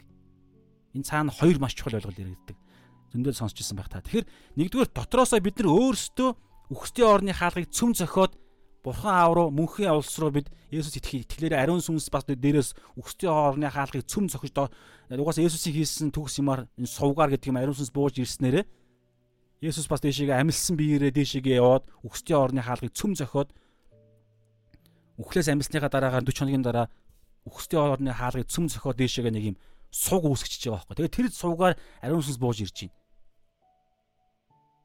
Тэгээд бид яаж байгаа вэ гэхээр Эфес 1-ийн 3-ын дагуу Тэнгэрлэг оршихуйдах аливаа сүнслэг өрөөлөөр Есүсийн дотор бид өрөөгдсөн буюу нөгөө энэ сувгаар чинь ариун сүнс энэ нэг ер бусын ойлголт гэхгүй. Энэгээр ингээд бид аль хэзээ Тэнгэрийн хаанчлалд хариалтай болцсон. Филиппо 3:20. За бидний хувьд ийм байна. Одоо харж байгаарай. үхсдийн орны хаалгад илэхгүй. Би чамд Тэнгэрийн хаанчлалын дүлхүүр энэ олон доонд байгаа шүү. Дүлхүүрүүдийг өгнө. Би өөрөөсөө дээшээ гараа Тэнгэрийн хаанчлалтай холбогдсон. Дээр нэмээд бид Тэнгэрийн хаанчлалын дүлхүүрүүд биднэрт өгөгдсөн. Итгэж хүн танд биднэрт. Энэ ямар юм? Энэ дүлхүүрээ бариад энэ дүлхүүр буюу сайн мэдээний энэ авралын итгэл Есүс Христийн гайхалтай энэ сайн мэдээ, энэ ам, энэ үнгүү нэгүүлсэл одоо юу байдаг? Тэрийг энэ дүлхүүрийг бид сайн мэдээ тарааснараа бусдад дамжуул нөгөө нэг уучлал гим нүглийн уучлалуудыг өгнө. Энэ түлхүүрийг бариад сайн мэдээ мэдээнд итгэсэн хүмүүсүүд та бол Христ амьд бурхны хүүгээрт итгэсэн хүмүүсүүд бас адилхан үхсдийн орны хаалгыг цөм зөхөө дээшээ гарна. А бид өөрсдөө бас Матай 16 11 дээр хэлж байгаачлан бид сатааны энэ хаанчлалыг дээрэмдэх дуудлагатай. Есүс загалмай дээр сатаныг хүлчихсэн. Тийм учраас Есүс хэлж байгаа шүү дээ Матай 11 дээр бяртаа яриг хүлжижил гэрийг нь дээрэмддэг. Есүс загалмай дээр хүлцсэн. Одоо бид нар Есүсийг ялсан тэр нэгний сүнсээр сатааны гэр буюу үхсдийн орон дотор бид талбарууд руу илгээгдээд дээрэм хийх ёстой байхгүй. Гэхдээ бид хүний имийг аваад байгаа юм биш. Бурхны охид хөвгүүдийг буцаагаад ахан дүүсээ сатааны боолчлоос шоронгоос бид авж гинэ гэсэн үг ийм ярьж байгаа. Энэ нь нөгөө нэг ганцхан нүгэл нүглийн уучлалыг дотроо агуулж явдаг ганцхан л ойлголтоор тэр нь Есүсийн нэр буюу сайн мэдээ. Тэгээ ийм ярьж байгаа. Тэгээ Мата Марк а Марк 16-гийн 16 дээр бас түүний ярьж байгаа. За сүүлийн ишл. Тэгээд өнөөдөр ерөнхийдөө өндөрлөх байх баг. Марк 16-гийн 16 дээр яг өнөөдрийн үдж байгаа хэсгийн хам сэдв шүү. Энэ тийм байгааз. Марк 16-гийн 14-өөс 18 энд чи 16 байгаа шүү. Тэгэхээр Марк 16-гийн 16 дээр хараа. Хин итгэж баптизм хүртэн тэр нь аврагдах болно. Харин итгээгүй нь яллагдах болно. Энэ бол гайхалтай ишлэл шүү. Хэн итгэж баптизм хүртэнэ. Итгэл баптизм гэдэг хоёрыг нь хамт яригддаг. Энэ бол маш чухал бас нэг өөр маргааны бас нэг хэсэг шүү. Баптизмаар хүн аврагдах уу гэдэг дээр аврагт итгэлээр зөвхөн аврагдана. Гэхдээ итгэл чинь өөрөө бас баптизмын маш чухал, баптизм чинь өөрөө тэр итгэлийн маш чухал хэсэг байгаад байгаа. За энэ бол өөр сэдв. Энийг айхтар яриад явах. Халан одоо өнөөдөр миний хэлэх гээд байгаа санаа итгэж хин одоо энэ те бүх ертөнцөөр явж сайн мэдээг бүтээл тунхаглах тун хин энэ сайн мэдээнд итгэн тэр нь аврагдана. Хин итгээгүй байна тэр нь үргэлжлүүлэн яллагдана гэсэн үг. Энийг ярьж байгаа. Тийм учраас одоо бүгд үнцэн хэсэг рүү очиод өрөөнд өндөрлөе. Цаг мөлий явсан. Гэхдээ энэ маш том хэсэг учраас дахиад энийг уншия. Та нар хиний нүглийг уучлан тэд уучлагдана. Та нар хиний нүглийг үл уучлан тэд үл уучлагдана. Өөрөөр хэлбэл энийг одоо юу гэж дүгнж дүгнэх вэ гэхээр та нар өөрт нь та сайн сонсоо та нар өөрт нь итгэсэн хүн бүрийг уучилдаг тэр сайн мэдээг хүнд тараа тэр сайн мэдээ та нарын тараас нь сайн мэдээнд итгээд итгэх хүн бүр болгон уучлагдана гэсэн үг. Эхнийх нь өгүүлбэр. А биднээс шалтгааллах юм ерөөсөө сайн мэдээд яг цэвэр сайн мэдээг тараах хүн болгонд. Бид сайн мэдээ тараасны дараа сайн мэдээний дотор нь нүглийн уучлал агуулгадж байгаа гэсэн үг. За хоёрдугаарт одоо энд маш сонирхолтой. Та нар хиний нүглийг үл уучлна. Тэд уучлагдахгүй гэж байгааз. За энэ дээр би нэг зүйлийг гаргацсан байна. Англи хэл дээр эхэл дээрээ бас нэг юм дээр. Монгол хэл дээрээ бол байгаа. Мэдээж англи дээр ч гэсэн байгаа боловч эхэл дээрээ байдаггүй нэг үг байгаа байхгүй юу? Еврей Яохан 20 23 За хүүс за энэ болохоор new биш хуучин King James-аар байгаа учраас жоохон сонио хэлэхтэй байх шиг байна те. За ямарс унши. За англиар зүгээр уншаад үзье. Мэддэг хүмүүс мэдэх бах те. Whose soever sins you remit. Энэ хараад энэ гол үг хараад remit гэдэг үг. Өршөөх уучлах. За та нар хиний гим нүглийг энэ гим нүгэл гэдэг нь англи хэл дээр байгаа шүү. Одоо би харуулна. Хиний гим нүглийг уучлан өршөөн. They are remitted unto them. Тэд нар ч гэсэн уучлагдана гэж байгаа. За одоо харж байгаа. Та нар хэний гим нүгэл гэдэг дээр хаар та англи дээрээ ташуултцсан байгааз эхэл дээрээ энэ гим нүгэл гэдэг үг байдаггүй. Тэгээ хаар та энд уучлах гэдэг дээр та ремит гэдэг үг байхгүй байгааз retain өөр үг. Эхэл дээрээ ч гэсэн өөр үг. Ямар үг нь харъя. Хадгалах. Үргэлжлүүлэн хадгалсаар байх. Гайхалтай хаар та. Библи ийм уу байхгүй. Та нар хэнийг they are retained. За одоо ямар ч хэний гин нүглийг одоо юу гэдгийг тэр өмнөх байдалд нь хад өршөөгдөх тэр өршөөгдөх сайн мэдээнд итгээд өршөөгдөх байдалд нь гарахгүй ингээд хэний гин нүглийг тэднэрт нь ингээд өршөөгдөхгүй байдалд нь үргэлжлүүлэн тэднийг байлгасаар байна. Сайн мэдээг тараахгүй байсан гэсэн үг шүү дээ. Байлгасаар байна. Тэд нар үргэлжлүүлэн бидний сайн мэдээ тараах үгүй юу гэдгээс шалтгаалаад тэдний гим нүгэл үргэлжлүүлэн тийм байдалтай байсаар байна. Энэ тардаа маш чухал юм орж иж байгааз За одоо бүгдээр юу харъя л та. Эхэл дээр нь бүр харъя. Гим нүг гэдэг үг нь байхгүй байгаа. Энэ гим гэдэг үг нь араах. За энэ юу гэдэг юм? Strong's G 266. Юу гэж дууддаг? Hamartia. Hamartia. Энэ Hamartia гэдэг энэ Strong-ийн G 266 гэдэг энэ Strong-ийн номертой Hamartia гэдэг энэ чинь гим нүгэл гэдэг үг байгаа байхгүй юу? За гим нүгэл гэдэг үг доор хадаа байхгүй. Та нар хиний энэ дээр хараа англи дээр бол хиний энэ гим нүгэл хамаарти гэдэг үг англиараа байгаа юм шиг мөртлөө хараа хамаарти гэдэг үг нь байхгүй байгааз зүгээр л retain гэдэг үг ч өөр явж байгаа.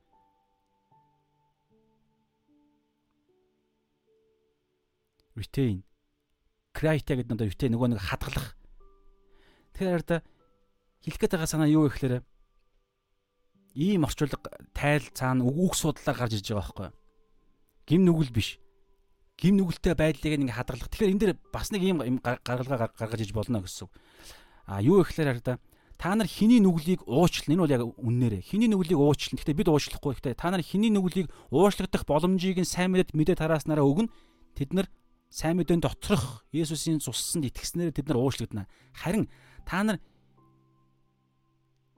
хиний нүгэл за би яг нүглээр нь ярьчих. Хиний нүглийг та нар сайн мэдээнд уучлагдах бол зааж байгаараа би шууд юугаар нэрээ зүгээр хэлэх гээд байгаа санаагаа шууд хэлье. Тэгэхгүй бүр толгой ирэх гээд. Төрөний гин нүгэл гэдэг үг байхгүй байгаа шүү. Тэгэхээр эндээс нэг ийм бас юм баталж болж байгаа байхгүй. Та нар сайн мэдээг нүглийн уучлалыг би бол авцсан. Итгэж бид нар авцсан. Тэгэнгүүтлээ тэр хэрэгтэй үнд нь өгөхгүй хадгалсаар байна. Сайн мэдээгээ Одоо би энэ дэр харуулъя л да. Retain гэдэг үг нь харуулъя. Хардаа. Get position хадгалах ингээд дараа байсаар байх.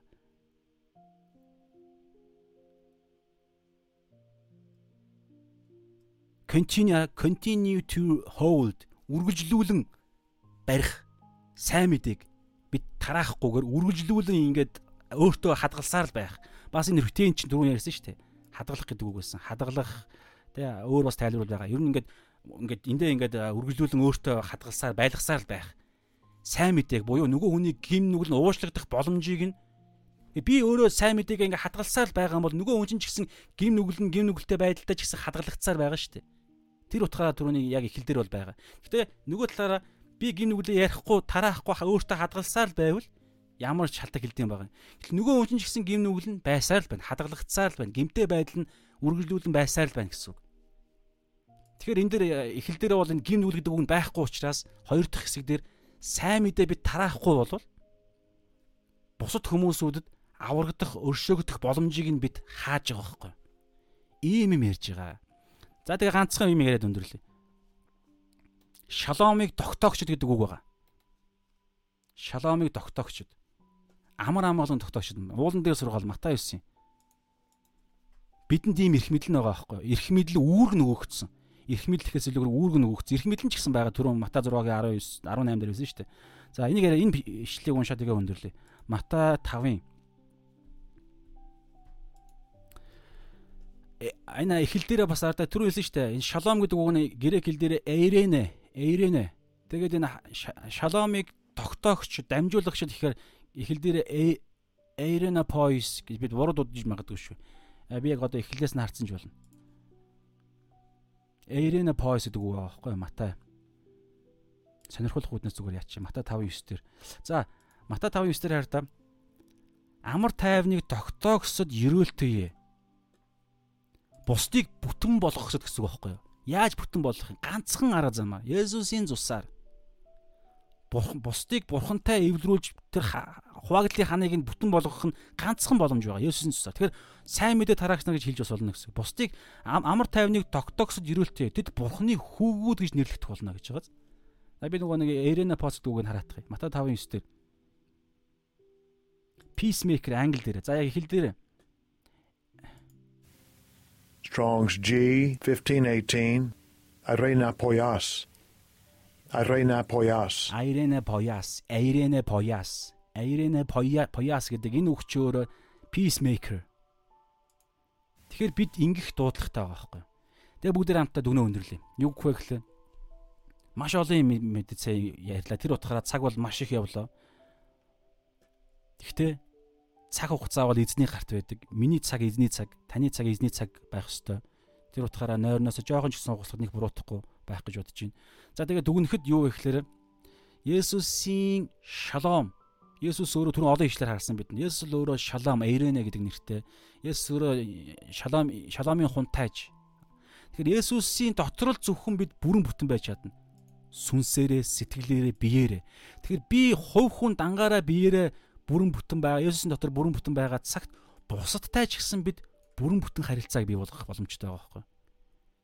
Тэгэхээр энэ шалом зөвхөн Есүсийн дотор Есүсийн сүнс ба үгээр эзэн минь энэ цагийн талаар талархад яг өнөөдрийн цаг маш урт явагдлаа. Гэхдээ үнэхээр олон чухал чухал зүйлсүүд цааш нь тус бүр дээр нь ярихад асар олон юм ертөнц хаалга нэгдэхийн чухал зүйлийг бас боломжоор харлаа язан тэгээд үнэхээр таньда талархыг дорой намайг ашиглаж эзэн хэрэглэн намайг үнэхээр ерөө энэ зүйлийг ойлгоход бас бусдад ч гэсэн боломжоор дамжуулахын боломжоор хангасан учраас талархын эзэн тэгээд та намайг ариун амьдралаар амьдруулж өгөөч. Бид бүгдийг ариун амьдралаар амьдруулж өгөөч. Энэ бол бидний хүсэл. Бурхан аавын хүсэл. Тийм учраас аваа та туслаараа тэгээд бүх зүйлийг ариун сүнсний хүслээр түүний үгээр Есүсийн Есүсийн үгээр түүний сүнсээр эзэн амьдрахыг үнэхээр бид шийдвэрээ гаргасан учраас гаргасан. Тэгээд та бидэнд хүч болоор Есүсийн нэрээр амин. За хамт ирсэн хүмүүстээ баярлалаа. Тэгээд 8 хүн эцсээ хүртэл хамт байсандаа талархъя. За тэгээд бүгдээрээ шалом бүгдээрээ хай шалом гэсэн хүмүүстээ бүгдэнд баярлалаа. 8 хүн хамт байна. Тэгээд Лора Эмблэж гэдэг хүн өөрсдөө авсан аврал ивэл буюу сайн мэдээг цааш нь сууг болж дамжуулахгүй гацааж бөглөж байлгаад байвал бусдын аврагдах үгүй нь шийдэгдэн биднээс хамаарч яг үнэ маш чухал зүйлийг дүгнэлт хэллээ. Биднээс бүрэн хамаарж байна. Тэнгэрийн хаанчлал бол биднэрээр дамжуулан supernatural зүйл хийгдэх ийм анханасаа зохион байгуулалтад явагдаж байгаа. Тэр утгаараа хүн бидний Есүс бурхан өөрөө бидний нэг хүн болж ирсэн байхгүй юу? Цаана маш чухал теологи мэрэгддэг. За тэгээд бүгдээрээ сайхан амраараа дараагийн цагаар дахин уулзлаа түр баяртай шалом. Эзний амар амгалан бүрэн бүтэн байдал сүн сэтгэл бид амьдрал харилцаа бүх зүйлдэд бүх зүйлд тань байх болтугай. За сайхан амраарай. Thank you